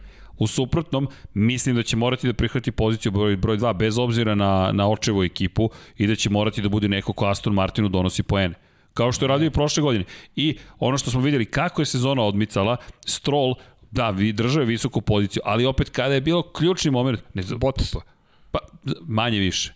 Manje više vozač broj 2. Pa da, I, kada, kada, kada, kada pa izvini, uzme sezona maha, sve, sve sam gori. Kada je pobed, pa i Perez kada je pobedio, morao je da pretekne i Lensa Strola između ostalog. I to je učinio na stazi. Jest, jest. U svakom slučaju, to, ali tu su mi negde Stroll u Aston Martinu, Gasly u Alfa Tauriju. Mada, zašto da ne, da vidimo, mada nema šanse Stroll da dobije otkaz ikada, ali to pa da, dovoljno pa, dobro, dobro teško, vozi. To, to, to je to. to je, nema, Narednih pet godine sigurno nemoguće, tu. Nemoguće misija, ali dobro. I ne, ne želimo otkaz. Ma, Čovjek je na pobjedičkim postoljima, na pol pozicijama, ali prosto nekako bih volao da vidim još neke prilike u nekim velikim ekipama ili, ili bi, jakim ekipama. Ja bih volao da vidim, više volao da vidim neke druge vozače, ali to je sad, to je To što dalje. bih ja volio, to je druga strana medalje. Ja, znaš, znaš šta mi je sad konekcija? Razmišljam, kanadjanin i onda Nikola Latifi mi iskoči u glavi. Pa ne, I... sam je Dejan, Dejan me posjeća Jani sada, znaš, nisi zaboravio si Rasela kad priča o talentima. Nismo, ne, nikoga nije nismo, zaboravio, ali, ali, ljudi, ali, ali ovo je ljudi još jedna propuštena godina. On je u Williamsu. Još jedna propuštena godina, još jedna borba sa vetrenjačama, još jedna borba pa za nešto što nije njegov, nije njegov kalibar. Puta. E pa to je sad ta priča. Ali šta će Russell Williams? Ti sad imaš Lensa Strola koji vozi za jednu respektabilnu ekipu, koji ne da nije kalibar Georgea Russella, George Russell neko ko treba Tako da je. bude u radni sa Maxom Verstappenom, sa, sa Leclerom, da bude taj neki lider nove generacije koji će se boriti za titulu ali on momak vozi za najslabiju ekipu u šampionatu. I on i dalje vozi za najslabiju ekipu u šampionatu. Dobro, evo, e, ove godine će možda Haas biti gori. Pa dobro, možda. pa možda, da. Zato što je odustao od razvoja. Ali čekaj, opet ćemo da, opet ćemo da se radujemo svi zajedno kada Williams uđe u Q2 kvalifikacije. Opet, Jest. opet je to rezultat kao za, I, za, za Williams. Ako osvoje point, to će Russell. biti uspeh. Pa da, i ako osvoje point, to će da bude kao wow, bravo. Ali onaj momak koji je ozbiljan projekat. Neko ko mora da ima pravu mašinu u svojim rukama. A to neće biti ni ove godine. Pa će biti sledeće. I onda imam kontra pitanje. Ako ne bude ni sledeće, pa ugasit ćemo još jedan talent. Pričat ćemo o Pascalu Verlaine. Ugasit ćemo još jedan talent.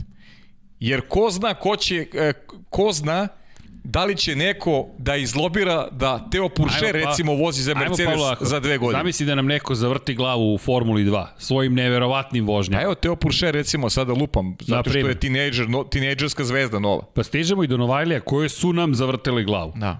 A mi sada govorimo o Russellu koji treću godinu vozi u Formuli 1.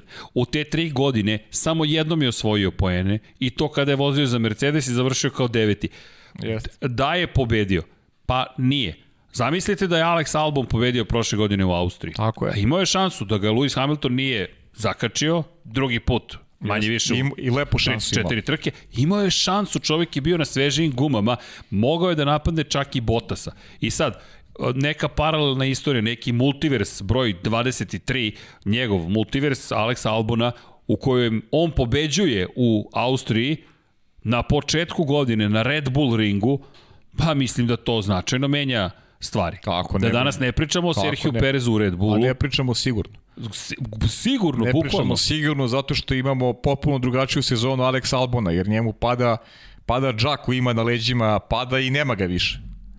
Ne, nema on. Nema džaka više, gotovo. Znači, džak je pao i više ga nema. To. I ti ideš onda dalje sa, sa onako sa podignutom glavom, uzdignuta čela, gre, svaka greška ti se prašta. Razum? Kapiraš? To Da, je, a to je nešto, sada- to je nešto što je, što je život. E, on je tu priliku, tu vrstu prilike nije dobio. E, tako sad, Russell je još gori poziciji. i koji je bio takođe na putu pobede, jednom, pa dva put, pa greške, pa probušena guma, deveta pozicija. I sada je u ponovu u Williamsu, više nisu zanimljive trke u igranju igrica, Da. tu se dokazao i ove godine je ponovo pokazao koliko, ali svi znamo da sezona stiže koliko god ih mi volimo i to nam je bila zabava i prilika da opet komentarišemo i da se mi zagremo za sezonu, Jeste. nije privuklo toliko pažnje koliko prošle godine.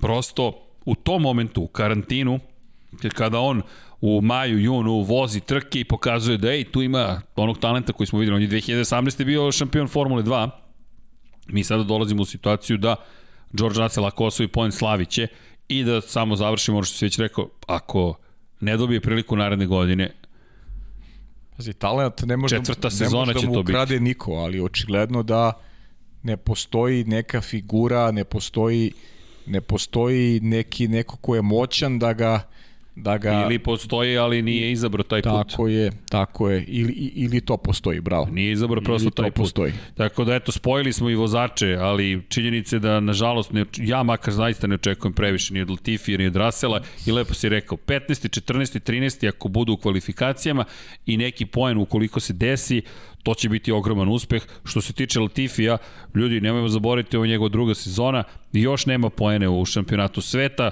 ukoliko osvoji poen, opet slavlje, njegov otac je jedan od suvlasnika ekipe McLaren, multimilioner, to je milijarder je u pitanju, George Russell nema taj luksuz, Da, da. iza njega ne stoji tata milijarder, prosto neće se pojaviti neko koga spašava, kupuje ekipu ili udeo u ekipi i obezbeđuje mu sedište, George Russell će verovatno onda morati da prihvati neku drugu vrstu sudbine ukoliko nešto se ne desi po, veoma, veoma, veoma pozitivno, bez obzira na sav talent. Slažem se, slažem se, to je to. Williams, pritom držimo palčeve da je u tom razvoju i potrošili su taj token čuveni jedan ove godine, jedan prošle godine, da su nešto uradili što je iole, iole zaista pozitivno i iskreno se nadam da je to slučaj u suprotnom. Mi ćemo imati još jednu tužnu sezonu za tim koji više nije ni vlasništvo porodici Williams, koji i dalje ima to ime i nekako držimo u palčeve, ali dolazimo do jednog zabavnog dela. Jeste, pa, ali, ali to je taj deo, recimo, taj deo koji ti je zabavan, misliš na vozače Hassel, tako? mislim na Novajlije generalno. Na Novaliji generalno i to je sad taj deo kad pričaš, pričamo o talentu o talentu George Russella, koji je zaista veliki talent. I sad imamo s druge strane u Hasu e, prezime Schumacher. Takođe šampion Formule 2 kao i George Russell, ali pogledaj kakav, kakav mašinerija i kako porodično nasledđe stoji za tog momka. Da jedan Ferrari šalje svog čoveka u, u Haas, da, da vodi brigu u njegovoj karijeri, Mi, mi samo čekamo moment kada će on iz Hasa doći u Ferrari i ko je taj koga će on naslediti u Ferrari. Da li imamo dilemu uopšte da će Mick Schumacher jednog dana voziti za Ferrari? Pa jedino ako bude ja, katastrofalan u Formula 1, a ne vidim. Ja, ja, pa čekaj, šampion je Formula 2. On, on, u Hasu, on u Hasu ne može da bude senzacionalan.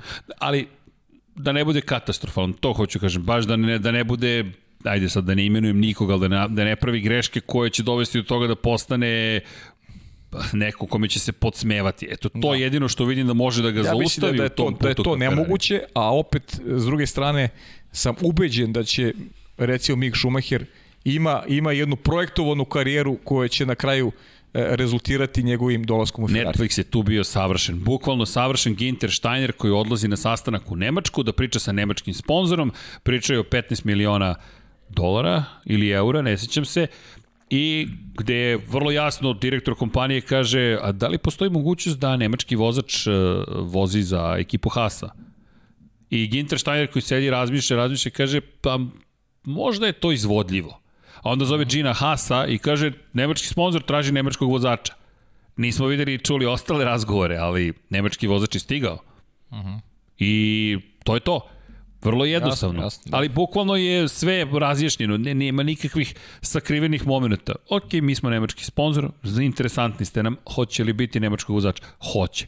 Ni manje, ni više Mick Schumacher. Ali dobro, ovde imamo, kažem ti, porodično nasledđe i tako konekcija sa Ferrarijem. Ferrari, naravno. Milion stvari. Kažem ti, kako je, kako je e, koliko god, pa si, niko ovde ne spori talent, neko može spori talent čovek koji je bio šampion u Formuli 2. Nesporno, ali, ali kako treba se, veza. Kako se nekome vrata otvore, A sad kad me, sad me pitaš ko je talentovani George Russell ili, ili Mick Schumacher, ja bih ti na prvu rekao George Russell.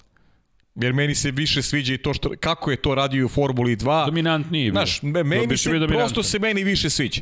Ali eto, njemu su vrata zatvorena i da li će se otvoriti, veliki znak pitanja. Možda se nikada ne otvore, bez obzira što, što ima taj talent, prosto prosto talenti, talenti ne samo u Formuli 1, talenti u drugim sportovima pa, propadaju. Pavle, on je bukvalno išao stopama Charles Leclerca, titula u Grand Prix 3 seriji, titula u Formuli 2.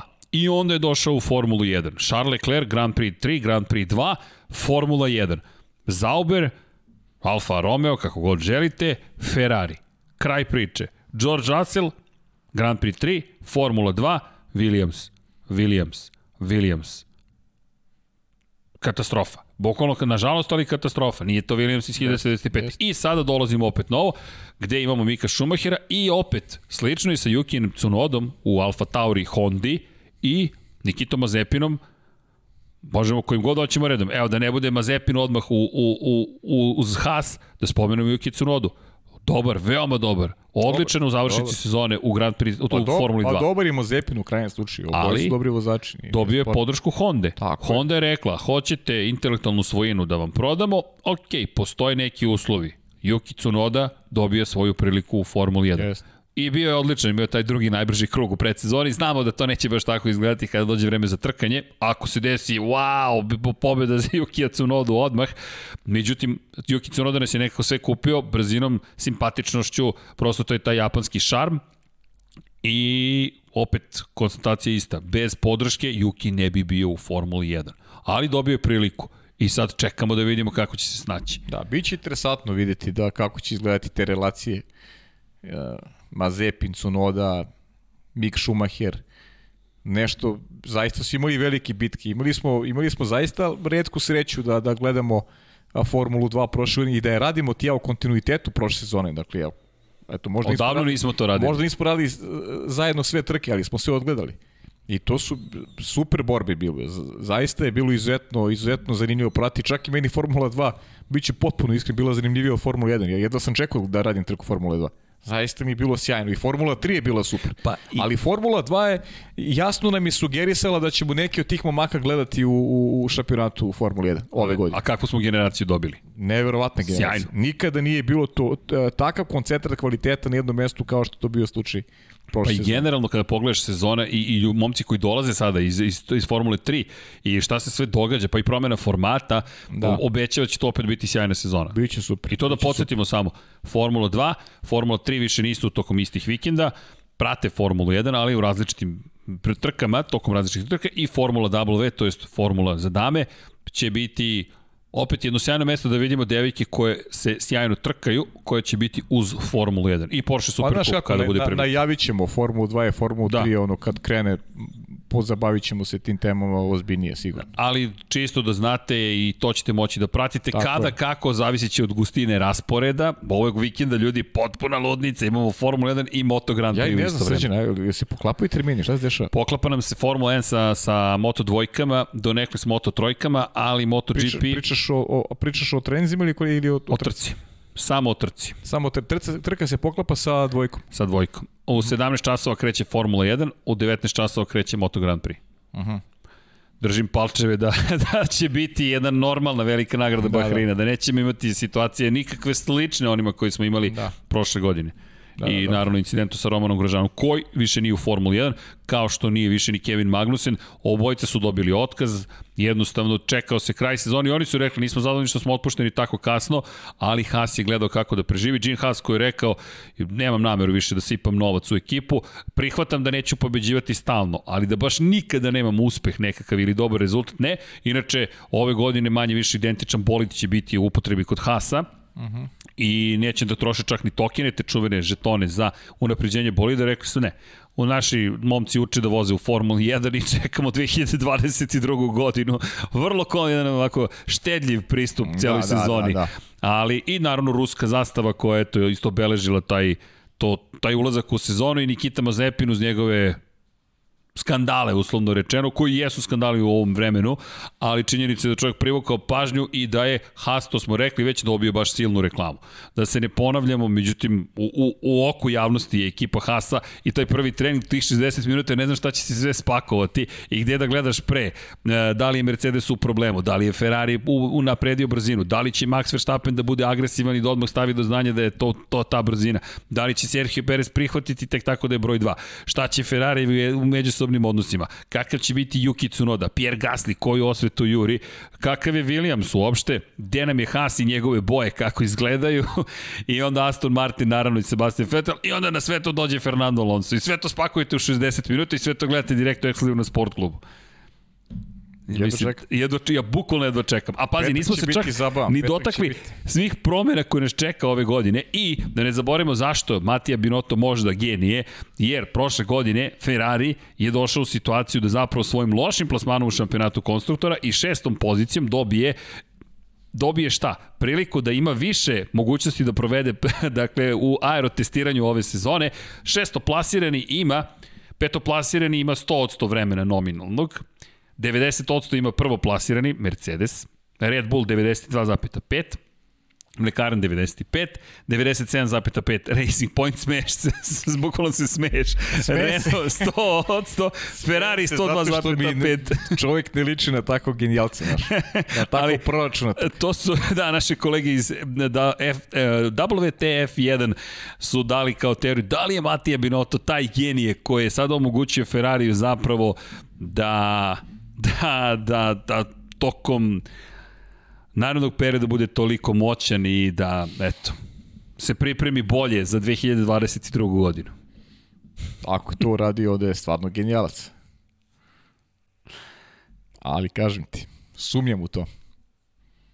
Dobro, kako god pogledamo, Ferrari ima, Promašio ima sam, priliku. Ja, sam, ja sam tipao da će biti smenjen Matija Binotto, ali Svi smo promašili. Bio pravo. Da, svi smo promašili. Inače, kada je reč o promenama, samo brzo da prođemo kroz neke od ključnih, promene na zadnjem kraju poda i poda generalno nema više proreza koji omogućavaju vazduh da prolazi ispod bolida. Promenjen je zadnji kraj, užije, oko 10% se očekuje da se izgubi prijanjanje zadnje kraja, o tome smo pričali prethodni put. Zatim, kada je reč o zakrilcima na zadnjim kočnicama, skraćena su. Kada je reč o difuzoru, skraćena su takođe, ih nazovemo peraja koje se nalaze ispod, dakle, vertikalne površine. To ste mogli da vidite, te takozvane ograde. Zatim, vrlo važna promjena, uvedeno je ograničenje budžeta, 145 miliona dolara i naravno nemoj zaboraviti da će na sve to zapravo ekipe dobijati još novca kako dobili su dodatni novac za, za više trka u kalendaru, tako da je 147,4 miliona dolara će uh -huh. biti zapravo budžet, s obzirom na činjenicu da tu imamo 23 trke i to se ne odnosi zapravo na plate vozača. Plate vozača će ostati do daljnjeg neograničene, to je u skladu sa onim što su mogućnosti timova i ono što takođe treba uzeti u obzir jeste da imamo i dodatnih 45 miliona dolara na raspolaganju za takozvani capital expenditure, to jest za kapitalne kupovine, to je na primjer kupovina novih mašina za fabriku i nešto slično i to je novac koji možete koristiti od sada do kraja 2024. da ne zaboravimo. Zatim imamo ovo što smo spomenuli za aero prosto vreme provedeno u tunelu, to je i computational fluid dynamics koji mogu da se simulacije e, koriste. Činjenica da možete da birate između aerotunela i CFD-a. Zatim, takođe važna informacija za pitanje da li će bolidi biti brži ove godine. Težina samog pogonske jedinice sto, sa 145 kg povećana na 150 kg i bolidi su teži za 6 kg sa 746 na 752 su skočili u celoj priči. Još jedna važna promjena, Pirelli od ove godine će imati nešto jače gume, Silverstone prošle godine doveo do pucanja pneumatika na čak tri bolida, između ostalog i pobednika Luisa Hamiltona, pa je to odigralo važnu ulogu u tome da se pripreme bolje za novu sezonu prosto ne žele da im se ponovi pucanje guma koje se desilo prošle godine. Ono što je tu zanimljivo jeste da zapravo, zahvaljujući tome što će izgubiti 10% prijanja na zadnjem kraju bolidi, da bi Pirelli mogao da bude taj koji će im pomoći da na neki način e, povrate, to jest da vrate određeni nivo tog prijanjanja, tako da ćemo pratiti zapravo kako će se koristiti te gume, mada je Lewis Hamilton prošle godine bio neraspo, ne je bio preterano raspoložen kada je reč o tim pneumaticima, no to igra važnu ulogu, nemojte zaboraviti koliko je Mercedes u jednom momentu gubio, pa dobio kada je je napravio nečuvene proreze u točkovima i uspeo da smanji temperaturu guma. Tako da o tome ćemo da vodimo računa i kada spomenjem Mercedes, da ne zaboravim da je zabranjen DAS sistem, Double Axis sistem, od ove godine ne mogu da koristim, ono čuveno povlačenje volana napred-nazad koji menja ugao od prednjih točkova. Negde se zaključilo na kraju da je to omogućavalo zapravo bolje, bolju kontrolu temperatura guma na samim bolidima i samim tim uštedu i da ne zaboravimo da imamo u ovoj godini prosto ograničenje kada je reč o korišćenju izduvnih sistema. No, ima dosta tih promjera koje deluju kozmetički, nisu samo kozmetički, vidjet ćemo kako će uticati na na sve ono što se događa u Formuli 1, međutim, da, da ne ponavljamo neke stvari, ja mislim da je sve spremno za poletanje zapravo i bukvalno nam je ostalo da pogasimo crvena svetla u nedelju i da krenemo u novu sezonu. Naravno, nećemo odmah pobeći, nemojte da brinete, s obzirom na činjenicu da, da smo uživo prisutni i da, naravno, ćemo pokušati da odgovorimo na da, ima pitanja, pitanja koje imate. Da, imamo dosta pitanja i evo, posvetit ćemo, pokušat ćemo da odgovorimo na, na na, na većinu, to jest na većinu, da pokušat ćemo da odgovorimo, pa eto ljudi, ukoliko ste raspoloženi, sad je vreme da krenemo. Ja ću pre toga da kažem, lajkujte naravno ukoliko ste, ukoliko se dopada šta slušate, subscription super je i naravno od ove nedelje možemo izvanično da uvedemo Patreon, ubacit ćemo link za Patreon i ukoliko kupujete majice, naravno da nam pružate podršku i samim tim i omogućavate da Infinity Lighthouse funkcioniše nezavisno i onda ste nam zapravo vi ti koji ste nam pravi sponzori, Tako da... Sponzori šampiona. Spo...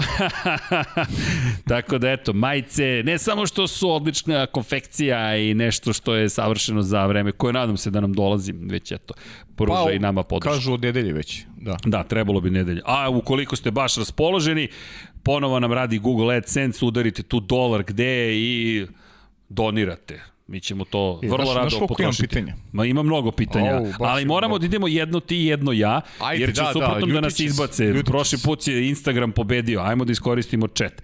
Ajde, Evo, ajde. pitanja su stigla. Uh, GP Balkanci bio najbrži. Da li Ferrari pravi bolide samo za pobedu u Monci? Binotto u Drive to Survive govori sezonu možete spasiti pobedom u Monci.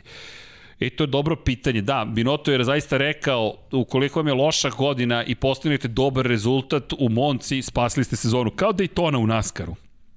Da. Možda nisi osvojio titulu, ali si pobedio na dobroj stazi, na svoj stazi. jeste, ali, ali da li je spašena sezona za Ferrari ako pobede samo Monci? Pa nije. Da li to nešto što zadovoljava Možda će spasiti tim? on svoj posao, ali da li si spasao Ferrari? Da li će on spasiti svoj posao i da li je to, da li je to iskrena izjava uopšte? Znaš, i, to je, I to je sad veliko pitanje. Da, to je dobro pitanje. To si super si pitanje postavio. Ali samo da napravimo i paralelu. 2019. godine... I, I opet je to kupovina vremena. Znaš da je Monca? A šta, će, a, šta će, a šta će radiš do Monce? Da gubiš. Ti, si, ti, u, ti u Monci već treba da imaš uh, jasnu situaciju oko 2022. godine. Ti treba da budeš spreman za 2022. godinu. Ti do Monce, ako ne napraviš ništa, ti si već, imao loš, i već imaš lošu sezonu.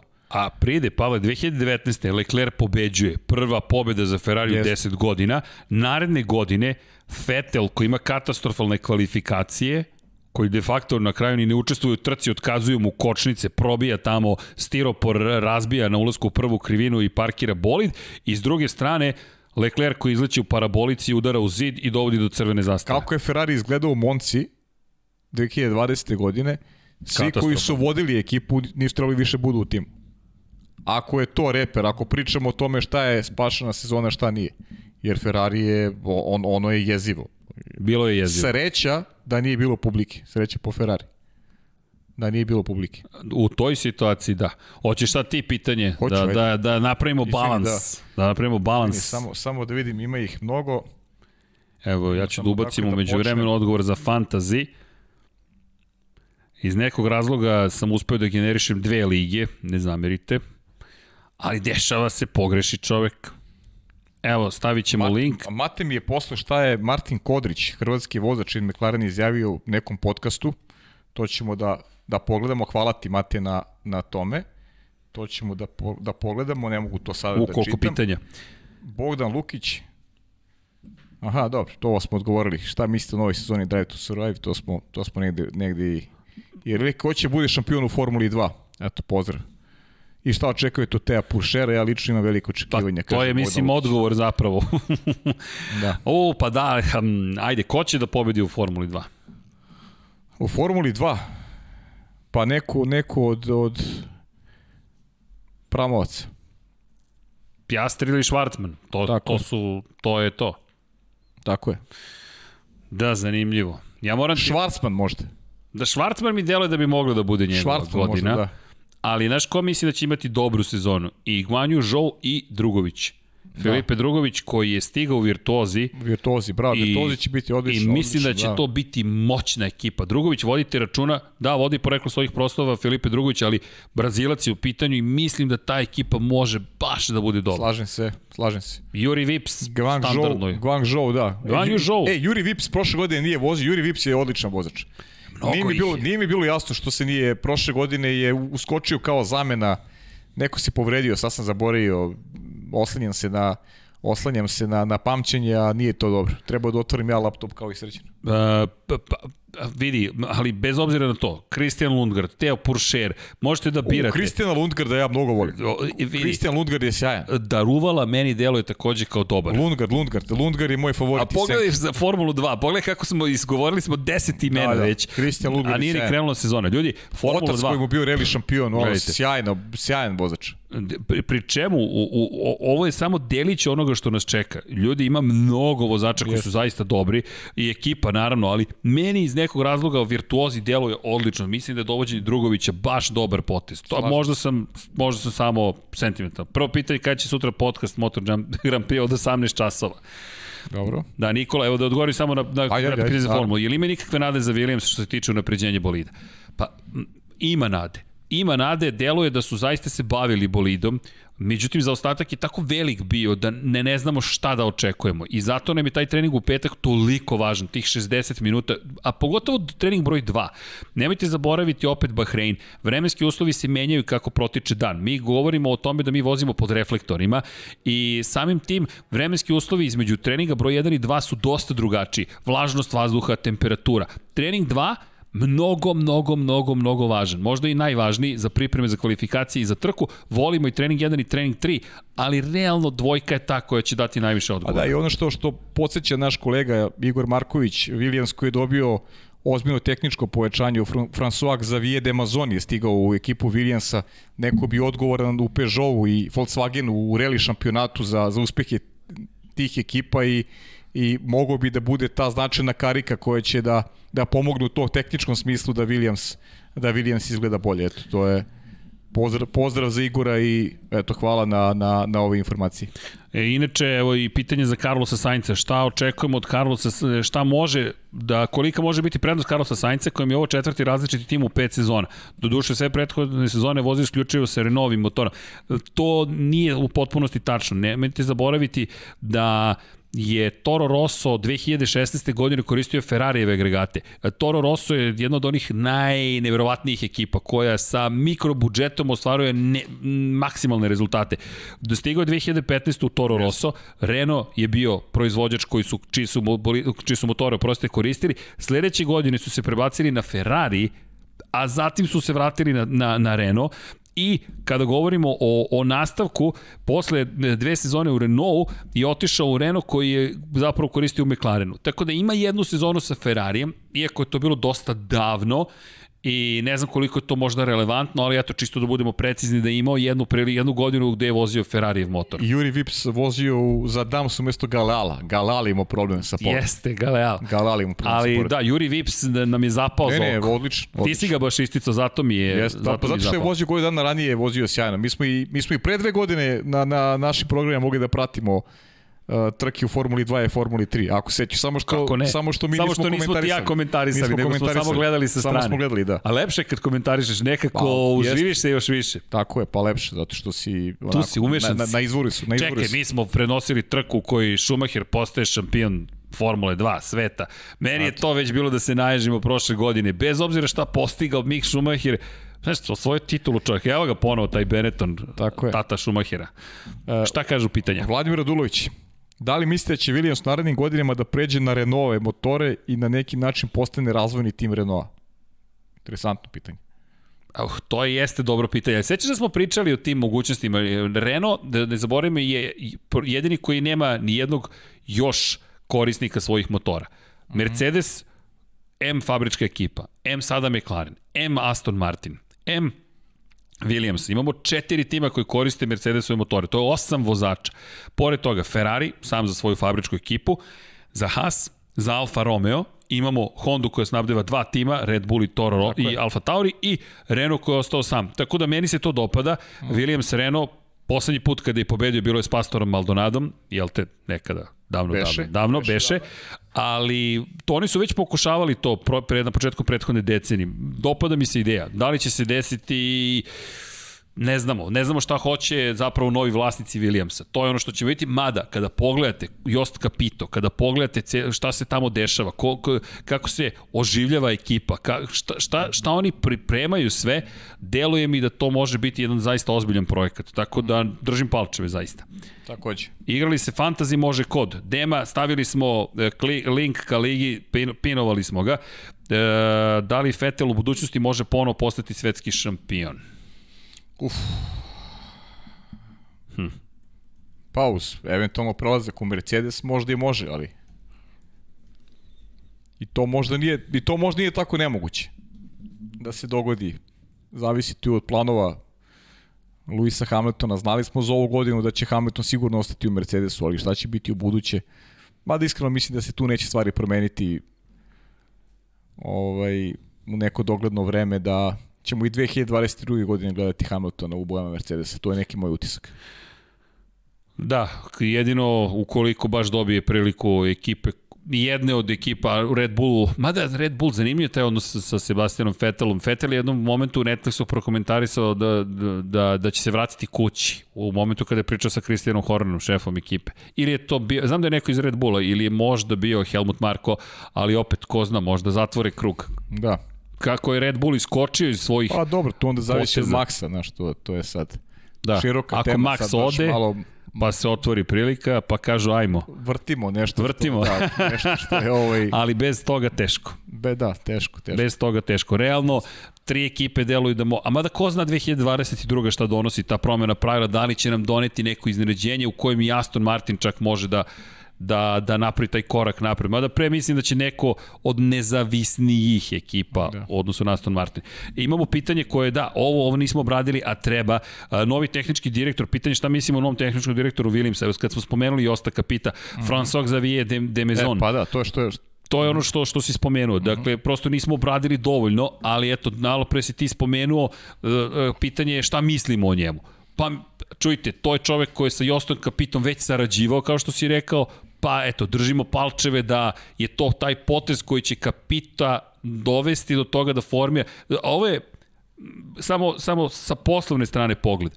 Kada preuzmete neku kompaniju, izvršni direktor je Jost Kapito, vi želite ljude od poverenja. E sad, ne govorim o nažalost, burazer ta, ekonomiji. Ta, ta veza povlači i to pitanje da li je to možda ulazak na mala vrata. Volkswagena, Volkswagena možda, tako je. Da. Tako je, to je to. Ali šta hoću da kažem, to Porsche, nije, pardon. E, to nije burazer ekonomija. E, Tako ti je. si mi ortak, pa ću ja sad s tobom da napravim neki deal, pa ćemo mi da muljamo u Williamsu. Ne, ne, ne, ne, ne, ne. S tobom sam radio, s tobom imam dobre iskustva, s tobom znam šta dobijam i šta mogu da očekujem.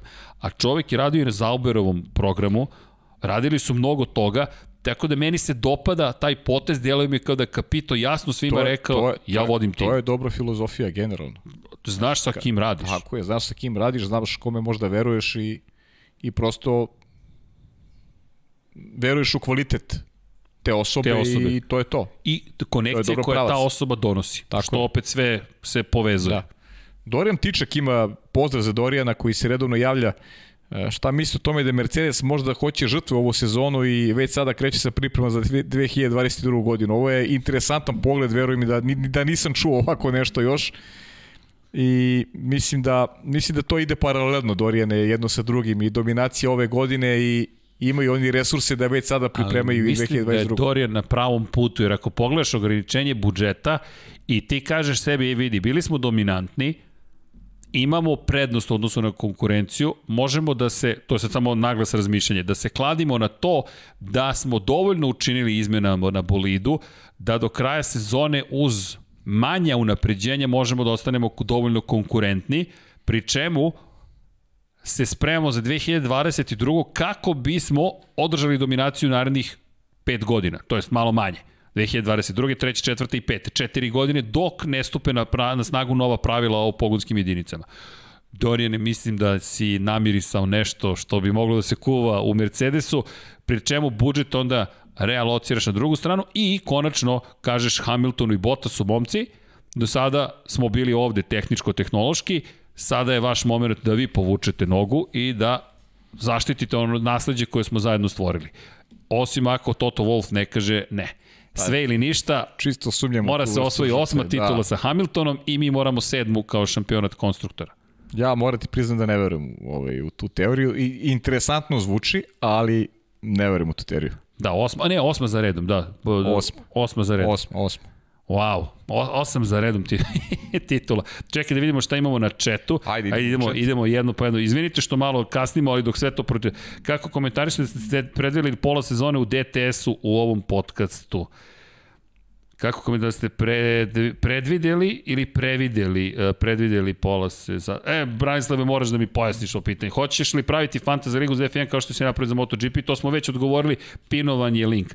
Najlošiji prvak u istoriji Formule 1, Semir pita, au, to je najlošiji prvak u istoriji Formule 1. Pa nema najlošiji najlošijih prvaka, nekako mi da. to... Loš, mislim, Baš, nije, nije dobra definicija. Suviše, da, možda koji je, hm, može redefinicije Semire, ka, na šta konkretno misliš? Pa dobro, ja, ja sam shvatio na šta misli.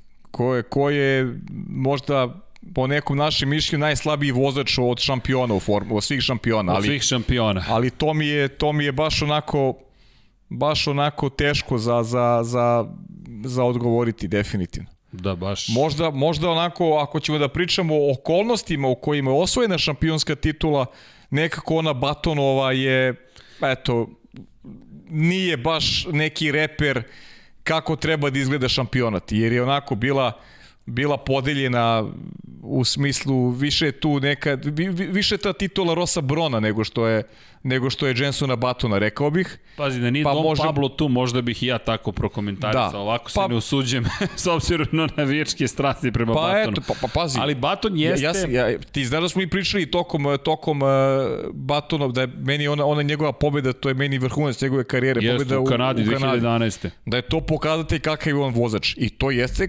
kalibar šampiona. To može samo šampion da napravi da, da onako pobedi. E sad, ja samo pričam o okolnostima u kojima je osvojena ta titula. Nekako, Jasno, jasno. nekako je, kako bih ti rekao, sezona koje se uh, onako ne sećam rado uopšte. Eto, to je to. Da, više Možda, opet mo, Zvezda bio možda bron, stariji, nego možda nužno stariji, Batum. možda stariji pamte onako neke neke slične momente i ja ne, ja se eto meni je ta opečatljiva kao sezona koja mi jednostavno nije mi prijala. Eto.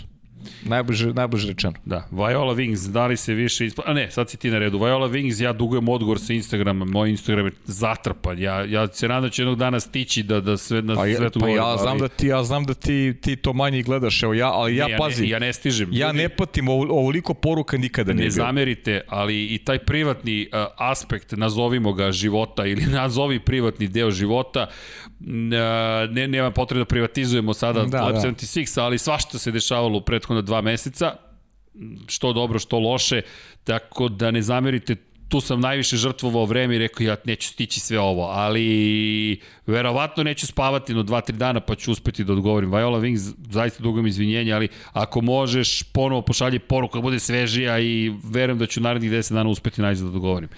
Da, evo, i- Đorđije piše, kaže, kako komentarišete to koliko je Cyril bio razočaran, što je Ricardo otišao, jasno je to Cyril stavio do znanja u Drive to Survive i bukvalno je, kaže, rekao ono što smo mi pomenjali tokom, tokom podcasta i kaže, jeste videli onu scenu kad Bottas pobeđuje u Rusiji, odlazi u slučajnicu, tamo nema inženjera, svi su, Da, da, to sam svi su da otišli, nisu ga, ni, nisu ga ni sačekali. To je, to je surovo, d, d, dve stvari. Prvo što se tiče Sirila bi to je bilo. S jedne, Sjajno zapažanje, hvala Đorđe. S jedne strane, mi je drago što je tako reagovao, što ga je lično pogodilo. S druge strane, šef si ekipe.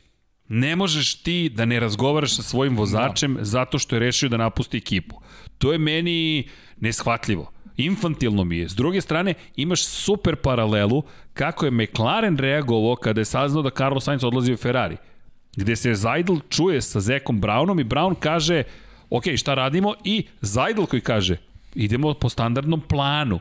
Pazi, Zajdl, ja mi sam ubeđen da čovjek ima algoritam. Kada mi vozač ode u tom periodu sezone, ovo je algoritam kako ćemo postupati. Ako nije napisan kao procedura, u glavi mu je i kaže, idemo dalje, u jednom momentu ćemo prestati da mu dajemo najnovije informacije. Ali nijednog momenta nisu obustavili komunikaciju sa, sa, sa Carlosom Saincom. Oni su McLaren. Ok, vozači dolaze, vozači odlaze. Mi smo McLaren. Nema problema, mi pričamo sa tobom. Ali ove informacije od danas nećeš dobijati zato što možeš da ih odneseš u Ferrari. I to je to. S druge strane, Cyril kao dete e, naljutio se i neću da pričam više sa Danielom Ricardom. I onda Ricardo koji govori, pokušavam da sredim odnos sa Cyrilom i Bitoblom. Da. S jedne strane, lepo je to ljudski, on kaže ja sam mediteranac, ja sam emotivan tip. Čekaj, Mediteranče, dragi, ali ti vodiš tim Formule 1. Mediteranče, Pa, da, pa zaj, znaš koji sam utisak stekao? Da. Kao da je Korzikanac iz Asterixa i Obelixa Da, da. i da se sad naljutio i da će da izvedi nož od prilike i to je to. On se nadurio, neće da priča sa svojim vozačem. Ne možeš ti kao izvrši direktor ekipe da se Oma. naduriš. Ne možeš, prosto ti možeš da sedneš i kažeš, ok, mislim da grešiš, ajmo da se dogovorimo šta radimo do kraja sezone. I što se tiče Botasa, tragična je scena, što je samo potvrda da niko u Mercedesu zapravo ni ne očekuje od Botasa bilo šta slično, već da je Hamilton taj od kome je sve podređeno. Niko ga ne čeka. Niko, Niko živ. Niko. Pavle, sve, vidio si sve prazno, duhovi, promaja duva. Lepo setio Đorđe, jeste. To Hvala. Pokazatelj.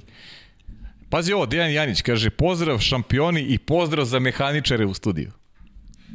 Sjajno. Hvala Dejane, sjajno, super. Čekaj, čekaj, čekaj, imamo sad, idemo, idemo, u- idemo u krug. A, da li se više isplati Mercedesu da izgubi talenta poput Rasela ili da ga potpišu da žive mogući sukob u timu sa Luisom? Ljudi, E da, da, to je, pa to, to je sad, to je pitanje koje ono, se ponavlja, ponavlja se stalno, da. nas dvojica glasamo za ovo drugo, ali... Da, glasamo za ovo drugo, ali opet kad, kad pogledate Mercedes, Mercedes je, je tim koji sebi možda priušti nekog drugog talenta. Ma, pa jo, neće, I oni će, sebi, Je. oni će sebi da obezbede, ne znam, možda Maxa Verstappena. Jedan Russell, Znaš. više ili manje. A to, to tako to i surovo zvuči. Surovo, ali, tako ali, je. ali tako, da. I sad, A čak, ovde imaš, ovde imaš jednog, imaš brend u sebe. Znaš, Lewis najpopularnijeg pa, vozača Lewis Hamilton svetu. je brend. To je to. Tako je. Mi možemo da polemišemo oko mnogo stvari, ali Lewis Hamilton je brend. I pa neko i ko je ono što i Bottas rekao. Tako je, veliki šampion, neko ko, ko obara rekorde, neko ko je sada prva zvezda Formule 1. I to to Mercedes kao najbolja ekipa hoće prvu zvezdu da ima u sebi. To je potpuno logično. Izvini, ja. Netflix je i ubacio priču o Niku Rosbergu. Zašto, ljudi? To je, ovo ide u rubriku, u rubriku neće se desiti. Neće se desiti. Nema teorije. Toto, ja Toto Wolfu više ništa ne verujem kada je reč o tome da najavljuje, ja razmišljali tebi, smo ja sam tebi odavno rekao da ja Toto Wolfu ne, ne verujem ništa. On samo radi marketinški deo priče. I jer on zamaže oči, kaže eto mi ćemo sad da se bavimo George Russell. Ko će se baviti George? Neće se baviti. Zašto? Pa i možda su to bili pregovori da uvedu George Russell. Možda je to bio dobar test. To bi svako, ja verujem, uradio. Ok, ajde da vidimo šta ovaj klinac može. Može, ne može, znamo gde smo ili šta smo. Pokažemo i Lewisu Hamiltonu. Ej, čekaj, možda i možeš da budeš zamenjen u celoj priči. Pa idemo u pregovore koje razvučemo da bismo pričali o Mercedesu tokom međusezone. I dođemo na još jednu bitnu stavku, a to je zapravo Nico Rosberg i Lewis Hamilton. Njihov sukob njihov sukob je dva puta dovodio do incidenata, tri puta do incidenata u trkama, na kraju Toto Wolff rekao ne. Ovo je neprihvatljivo za nas kao ekipu i za njih najveći poklon koji Rosberg mogao da im priušti je što je rekao hasta la vista. Ja odoh kući s porodicom da se družim i pratite njegov kanal, super je kanal, postoje da je čovjek youtuber. Eto, mi stopama Nika Rosberga. Tako da nema teorije da se desi da, rad, da u ovom momentu, možda ako izgubi dominaciju, pa kažu, e, sad moramo da nešto menjamo u našim planovima. Jeste. Čekaj, to je... Mnogo je pitanja, treba stići. Branislav Devi, da, kako komentarišete izjavu Tota Wolfa da mu je teže da putuje i da želi više deonica u MG? Da, to smo, mislim da smo pričali to. E, za koga, izvini? Za Tota Wolfa. Za Tota Wolfa. Mm. Ah, čujte, mnogo je tih priča, ali Toto Wolf kaže jedno, onda se ispostavi da je pojačao svoje veze ili u Mercedesu ili Aston Martinu i e, za sada ne vidim ja da će tu biti korenitih promjena. E, pogotovo što mislim da nova era predstavlja novi izazov za Toto Wolfa. Konačno mm. i Toto Wolf, ljudi, to je pitanje, hajde da se ne lažemo, to je pitanje sujete ko je najbolji vozač na svetu? Pa nije ko je najbolji hirurg na svetu i koliko ljudi je, uh, s kojim ljudima je spasao život. Ne, to je ispit trkanja, brzine, realno boriš se za pehar i kažeš, e, ja sam sad najbrži. Super, i Pa ništa, ja sam sad najbrži. Ali mi to volimo, tu strast, tu energiju, tu inspiraciju. Mi isto mislim da važi za Toto Wolfa. Da dođe do toga da kada se kaže Toto Wolf, kažeš Ron Dennis, kažeš to, to je najbolji šef ekipe. To je samo moje mišljenje. E, da kažem na ovi motor, srđane, da li ima važev dogovor za Lep, da Lep 76 broj 91 bude posvećen Šumahiru? Hamza Hadžić, da, to važi. Važi, dobro. E pa i sad imamo Dejan Andrić, on uvek ima interesantne observacije, pa ćemo ovako, prvo krenemo, Zek Brown je više volio Landa Norisa, a manje Sainca, kao što si vidio u seriji, pogotovo kada se čulo za prelazak u Ferrari i ta ljubav između Norisa i Sainca. Da li mislite da će Zak Brown više favorizivati Norisa odnosno Ricarda? Dobro pitanje. Moguće da i hoće, ali Ricardo nije doveden da bude, da bude u senci Landa Norisa sigurno, ali mislim da smo već obradili tu temu kroz, kroz onu najavu uh, gde zaista smatramo da da imaju imaju dobar balans kvalitetne vozače u Ricardo i Norisu i da tu neće biti prosto favorizovanja jer jednostavno Ricardo je već dovoljno veliko ime da bi da bi, da bi neko favorizovao, mislim da to nije ni u filozofiji ekipe McLaren. To sam htio da ti kažem, ako pogledaš, možda je Zach Brown na ličnom nivou bio srećniji što odlazi Sainz, ostaje Norris, ali to nijednog momenta nije uticalo na profesionalizam ekipe sigurno, prema da, da, Sigurno, sigurno. I ekipa je slavila svaki uspeh, doživljavala svaki uspeh i podržavala Sainca, dok nije rekao idem u Ferrari. Tako je. Onda su počeli da se šale s njim i da ga pitaju da si siguran ili si potpisao ugovor već ili da razmisliš o tome. Ali to je sad već nešto drugo. Ajmo da probamo da budemo koncizni da nas Vanja ne bi ubio. E, ukaže vam se prilika da imate viška para od podcasta i dobijete jednaku ponudu od svih 10 tima F1 da budete sponzori. Na kom bolidu bi bile nalepnice Lab 76. Oh, kakvo pitanje. sjajno pitanje. Ne, Ovo Dejan, Dejan, sjajno pitanje. Dejan je... Ajde da te čujem. Ajde, hoćeš ti čekaj, prvi čekaj, ili ja? Evo ja ću prvi, nije problem. Ajde. Na kom bolidu bi, bih stavio... Hoćeš ja, ja ti kažem? O, o, Ferrari. O, pa ide u glavu. Pa mislim. pa čekaj. Pa čekaj. E, onda pa... ja Mercedes. A? Pa... Umesto 77, pa, ili hoćemo, ili hoćemo, ili hoćemo da se vide Novi te jasno mladi te vozač pa, Paja Živković. Eto, rekao sam direktno. I onda se sledeći piti neko nadovezuje. Kažu, Drive to Survive su pričali za Ferrari probleme. Jedan od šefova Timo je izjavio u fazonu da su praktično znali da će im se desiti sa, sa tim, da kažemo, nelegalnim stvarima koje su radili. Da li mislite da je Ferrari svesno kršio pravila, pa posle nadao da niko ne primeti? Evo, teško pitanje, Teško, ali... opet dobro pitanje. Te, odlično pitanje. Pa, a hajde ovako. Evo, je, vrlo jednostavno. Sebastian Vettel je rekao, tu smo zato što smo to zaslužili. I mislim da je vrlo jasno svima stavio do znanja da su znali da se igraju s vatrom. Opet, šta su uradili ne znamo, nemamo predstavu da li su prekršili pravilnik ili je to toliko bila siva zona da su na kraju reseli sa FIOM i rekli ok, hajde da se dogovorimo. Šta, zašto mislim da su vrlo svesno otišli toliko daleko da je to sada samo pa, samo hm, eufemizam da nisu prekršili pravilo, da su prihvatili kaznu da celu jednu godinu zapravo budu u tako lošem položaju. Tim poput Ferrarija, koji je prvu trku vozio 1950. na velikoj nagradi Monaka i od onda nije izašao iz šampionata da sebi dozvoli da celu godinu bude u ozbiljno podređenom položaju, morao je da prekrši pravilnik ili da ga rastegne toliko, kada već tako pričamo, da kaže, da, da ja mislim da su bili vrlo svesni da se igraju s vatrom. To je samo moj da. utisak, nemam okay. pojma, ljudi, ali to je na osnovu onoga što je rečeno. E, ali čekaj, samo da govorim, izvini. Ne, ne, idemo, idemo, ajde, polako. 76-icu. Iskreno, Uh, od... E, nisi rekao, bravo. Da, nisam rekao. Ja sam rekao. Ne, ne sviđa ja mi se tvoja Ferrari. filozofija, ti si ga okrenuo pa, naopački. Ako ideš, pa, onda čekaj. ideš u glavu. Pa idemo u glavu, idemo i hoćemo da se, hoćemo da se zna za nas.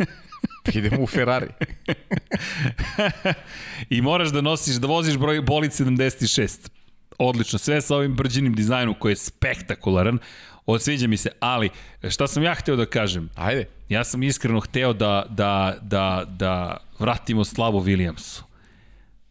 Znaš, ja sam u tom raspoloženju. A ti si u fazonu, ajmo polako. Ne polako, nego mi kad stignemo. Aha. Williams Hara, kao McLaren što se vratio, kao Phoenix. E, sa brojem 76 i svim ljudima koji su iz Infinity Lighthouse. Ti si, ti si sa, fer, ti si sa Ferrarijem, kakav god da je Ferrari, ti imaš Ne, ti, si, imaš ne, ti si u pravu 100%. Reklamu, pazi, poslovni potez godine je da budemo na Ferrari. To ti kažem. pa ja, šta sam rekao? Flavio Briatore Infinity Lighthouse-a. Mislim, da, mislim, da si, mislim da si Vanja slaže. ne, Vanja, Vanja uopšte nije navijač da. Ferrarija, ne, čini vam se. A, a pa, Dorijane, pazi, sjajne su ti pitanja, ali ovo baš neću, jer ako Toto Wolf sluša podcast, neće mu se ovo dopasti, ali si ovaj ali su ti interesantna za pažanje. Ovo ne nemoj se utiš, ovo neću da pročitam. Ne, čekaj, čekaj, ajmo ali da da. Ću, kazaću Evo Nikola Tom pita u kojoj meri mislite da odlazak Ricardo uticao na smenu u menadžmentu Renaulta ili to jest Alpine. E, odli, odlično pitanje. Od, e, hvala ljudi, vidim da ste raspoloženi, svi smo jedva čekali sezonu. Koliko je uticalo? Ne znam, ali me ne bi čudilo da je uticalo iz dva razloga. Prvo, što je Cyril Abitebel doveo nekoga, stao svom silinom iza nekoga i taj neko mu je otišao posle jedne sezone. Ako ste izvršni direktor, morate preuzmeti odgovornost za svoje poteze. Daniel Ricardo je doveden da bude nova zvezda ekipe, da bude novi vođa ekipe. Potpisali ste dvogodišnji ugovor, ispunili ste ga I Ricardo, ono što je ironija je da je sredinom sezone, kada je Renault počeo da liči na onaj Renault koji su sanjali, rekao, ne znam, ne znam da li sam dobro postupio, ali to je to potpisivanje ugovora pre nego što je sezona i počela. Međutim, njegovo mišljenje je bilo da mora da iskoristi svoj trenutak. Rekao je ovo nije zbog para, ovo je zbog prilike koja mi se ukazuje. Ja malo, malo ne verujem mu do nekle. Mislim da je svesna da ima 31 godinu, to i rekao i da teče sat. Tako da, Sirila bi trebalo za to. Zašto? Ako je doveo vođu, mora je drugačije da sedne s tim vođom i da kaže, hej vođo, šta radimo, a ne da čeka da iz novina sazna da mu je čovek otišao. I druga stvar, taj infantilni moment, koliko god bio srčan, Ljudi, to mu služi na čast s jedne strane, super, emotivan je Cyril i mislim da je on najveći navijač Renaulta, verovatno bio ikada, ali o, hoćeš sa Zajdlom da se boriš, hoćeš da se boriš sa Wolfom, hoćeš da se boriš sa Hornerom, mislim da moraš, pa i sa Schaffnauerom i sa, sa zapravo Strolom, mislim da moraš da drugačije pristupiš stvarima. Da dozvoliš da ti Horner uđe pod kožu tako što te proziva, što u Netflixu, što generalno, ok, ali pokazuješ slabost u tom sportu, ne možeš. Eda Hasan Spahić, veliki pozdrav za tebe i dobro pitanje, kaže, da li ima neke informacije, da li su i da li će biti vakcinisani vozači? E, da, to je dobro pitanje. Strašno pitanje. E, za Moto Grand Prix svi su vakcinisani. Vlada Katara je ponudila da vakciniše Pfizerom vakcinom sve vozače u Moto Grand Prix-u, novinare, predstavnike Dorne, predstavnike tehničkih lica, tehničkih timova, izvinjam se, svi su manje više vakcinisani koliko znam. Rossi je preležao prošle godine Valentino Rossi COVID-19 i rekao je ne pada mi na pamet ukoliko mogu da se zaštitim, zaštitit ću se tako da je vakcinisan. Za Formulu 1 moram priznati da, da nemam isto. tačnu informaciju, ali hvala na pitanju, saznaćemo. Činjenica je da, da Možemo se trude. Da, da pripremimo do Do, do petka do će petka. biti već spremno. Da, imaćemo i studio na Sport klubu 1 da. to pre podne, čisto malo da se družimo. Kao, kao predigra MotoGP i Formula kao 1. Kao prediga. Da. Uh, Lukas Sekicki, evo, samo ćemo prenesemo, on, on smatra da, da je Leclerc dosta, da je prilično brz, da će biti protivnik Maxu i da će to biti odlična borba budući za titulu. Pozdrav Luka, što si, hvala što si javio i Hvala ti na, na, na mišljenju koji si izneo. Idemo dalje.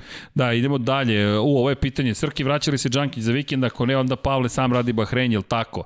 Ne znamo, trebalo bi, Aleksandar je na spisku, odmarao je, planski nije radio prethodnih par meseci. Plan je, plan je da Srđan i ja radimo zajedno trku, to je da, plan sad. to je plan. Sad vidjet ćemo šta Držite će biti. nam palčeve, da. šta da vam kažemo. Da, vaše Nadamo mišljenje. Tako. Da, vaše mišljenje ekipi Aston Martin. Mislim da je to projekat, to nije samo ekipa, Tako. to je ogroman poslovni projekat, zapravo Lorenza Strola, vlasnika ekipe, to je čovek koji je milijarder i pre nego što se pojavio u Formuli 1, niko od nas praktično nije znao za njega, ali kako je došao do Formule 1 je otvorio sebi brojne mogućnosti. I sad, kao što se mi igramo nekih stvari, kao što mi u životu kažemo, ej, ajmo da kupimo model Revelov Benetton Ford B194, tako Lance Stroll, Lawrence Stroll kaže, hej, ajde da kupim tim Formula 1 hajde da napravim sebi nešto što sam od uvek sanjao, ali da pobeđujem. To se isto vidi u Netflixu i Nije, čujte, mi smo se smejali, uslovno rečeno, nazivu Racing Point, ali to je samo bilo rešenje dok on ne vidi šta će da kupi od velikih robnih marki.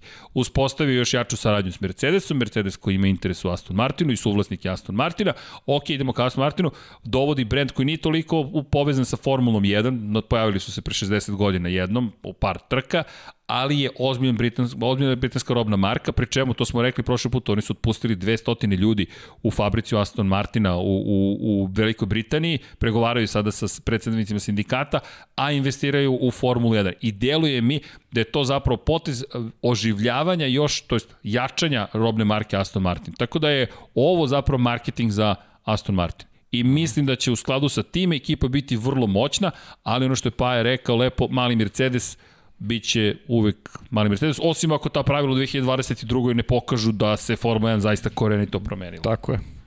E, evo, izvini samo da, Naravno, samo, poređajte samo plasman sam. vozača za ovu godinu, onako kako vi očekujete će biti na kraju sezone, barem top 5. Top 5? Top 5. E, Hamilton, Verstappen, Bottas, Ne, Hamilton, Verstappen, Ne, Bottas, Hamilton, Verstappen, Bottas.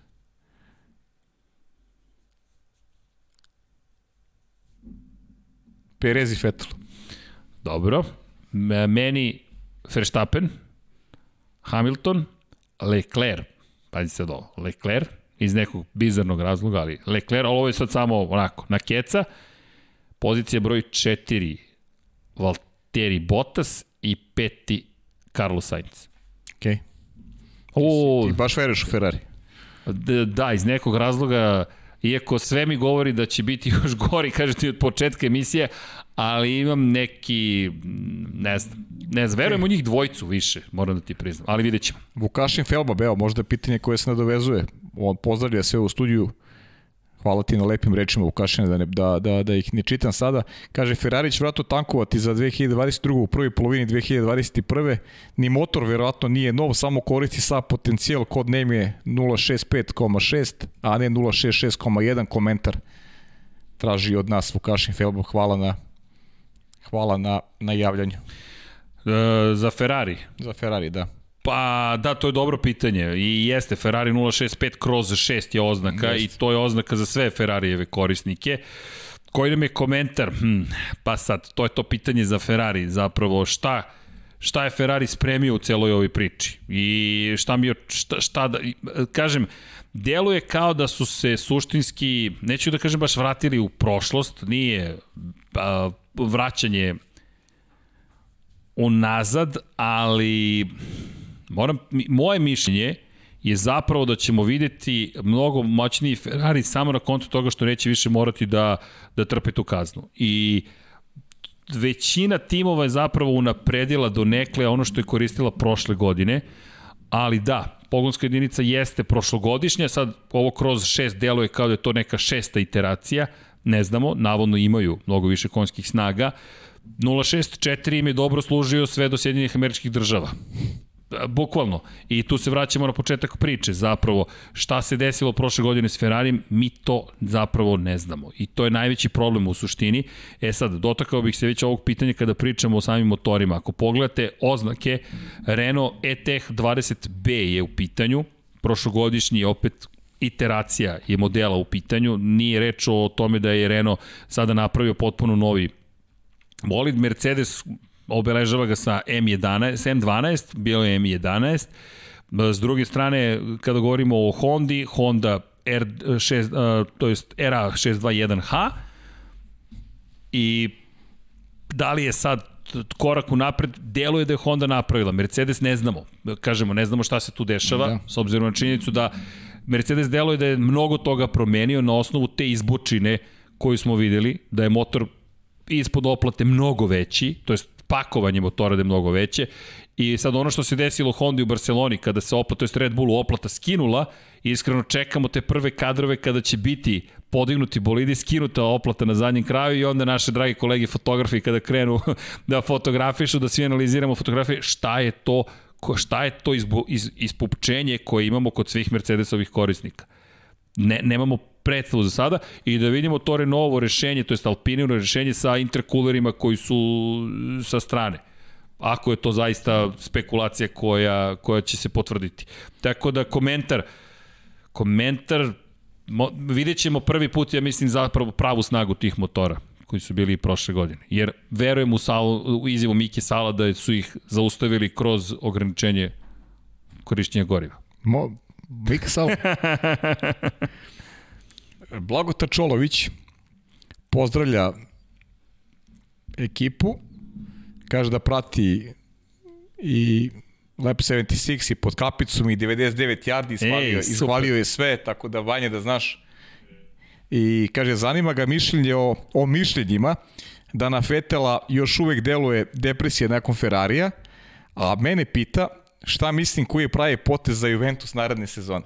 E, i, I drago mi je što si me to pitao, jer ću reći javno ono što pričam već duže vreme.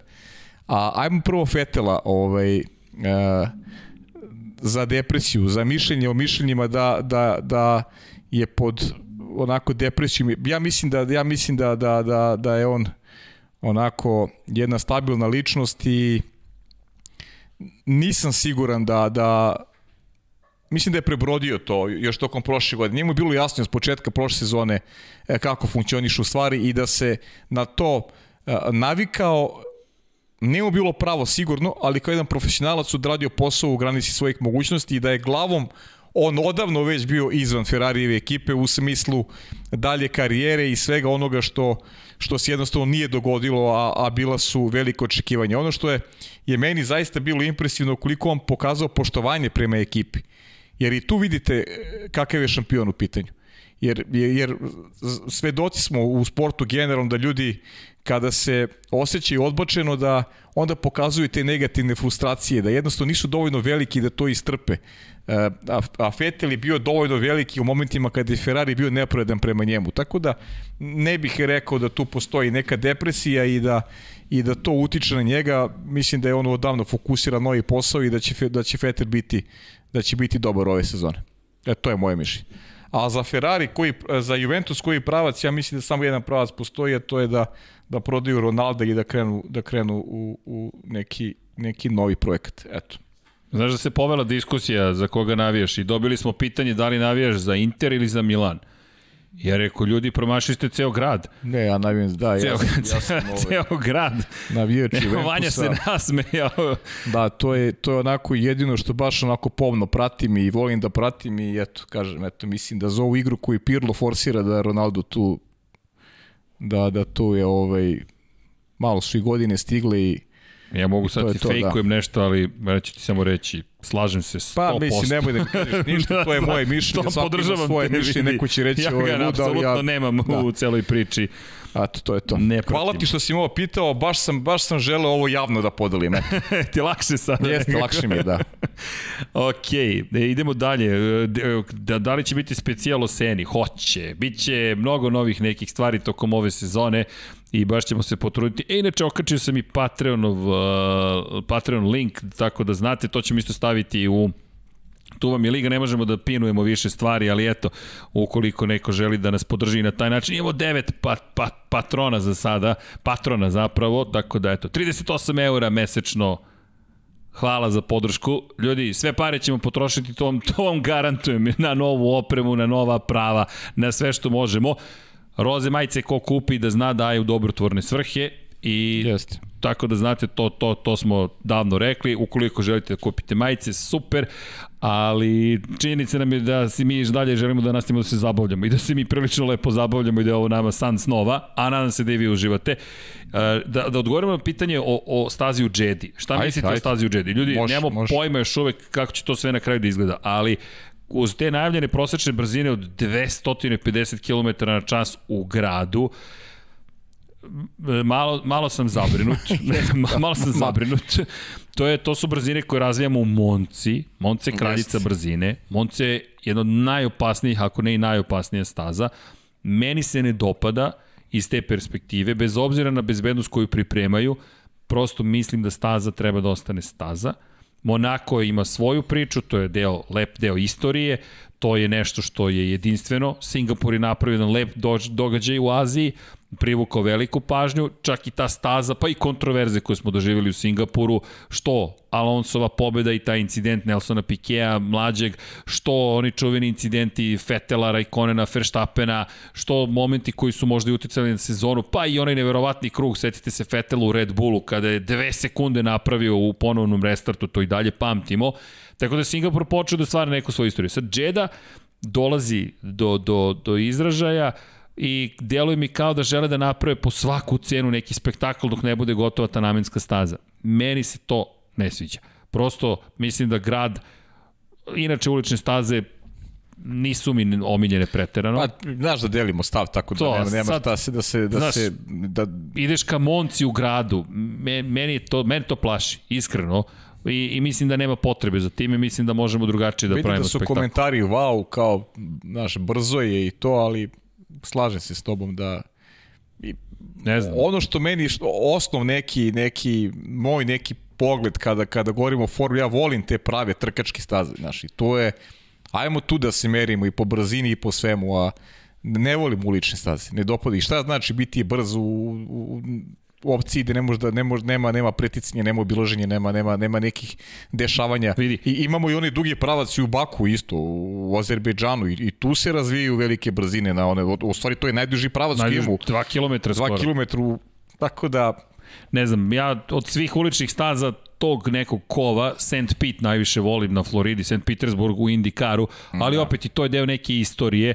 Više bih volio da su ka tome nekako išli, ali ok, razumem i, i novac koji će biti plaćen i, Pa, znaš i da marketing koji će se obaviti. osnova, da. Pa da, osnova svega, ali sad insistirati na tako visokoj prosečnoj brzini ne dopada mi se za, za, za uličnu Da. trku. Karakić Josi pita šta mislite ko će da bude najbolji ruki u predstoji sezoni. Veliki pozdrav i za tebe takođe.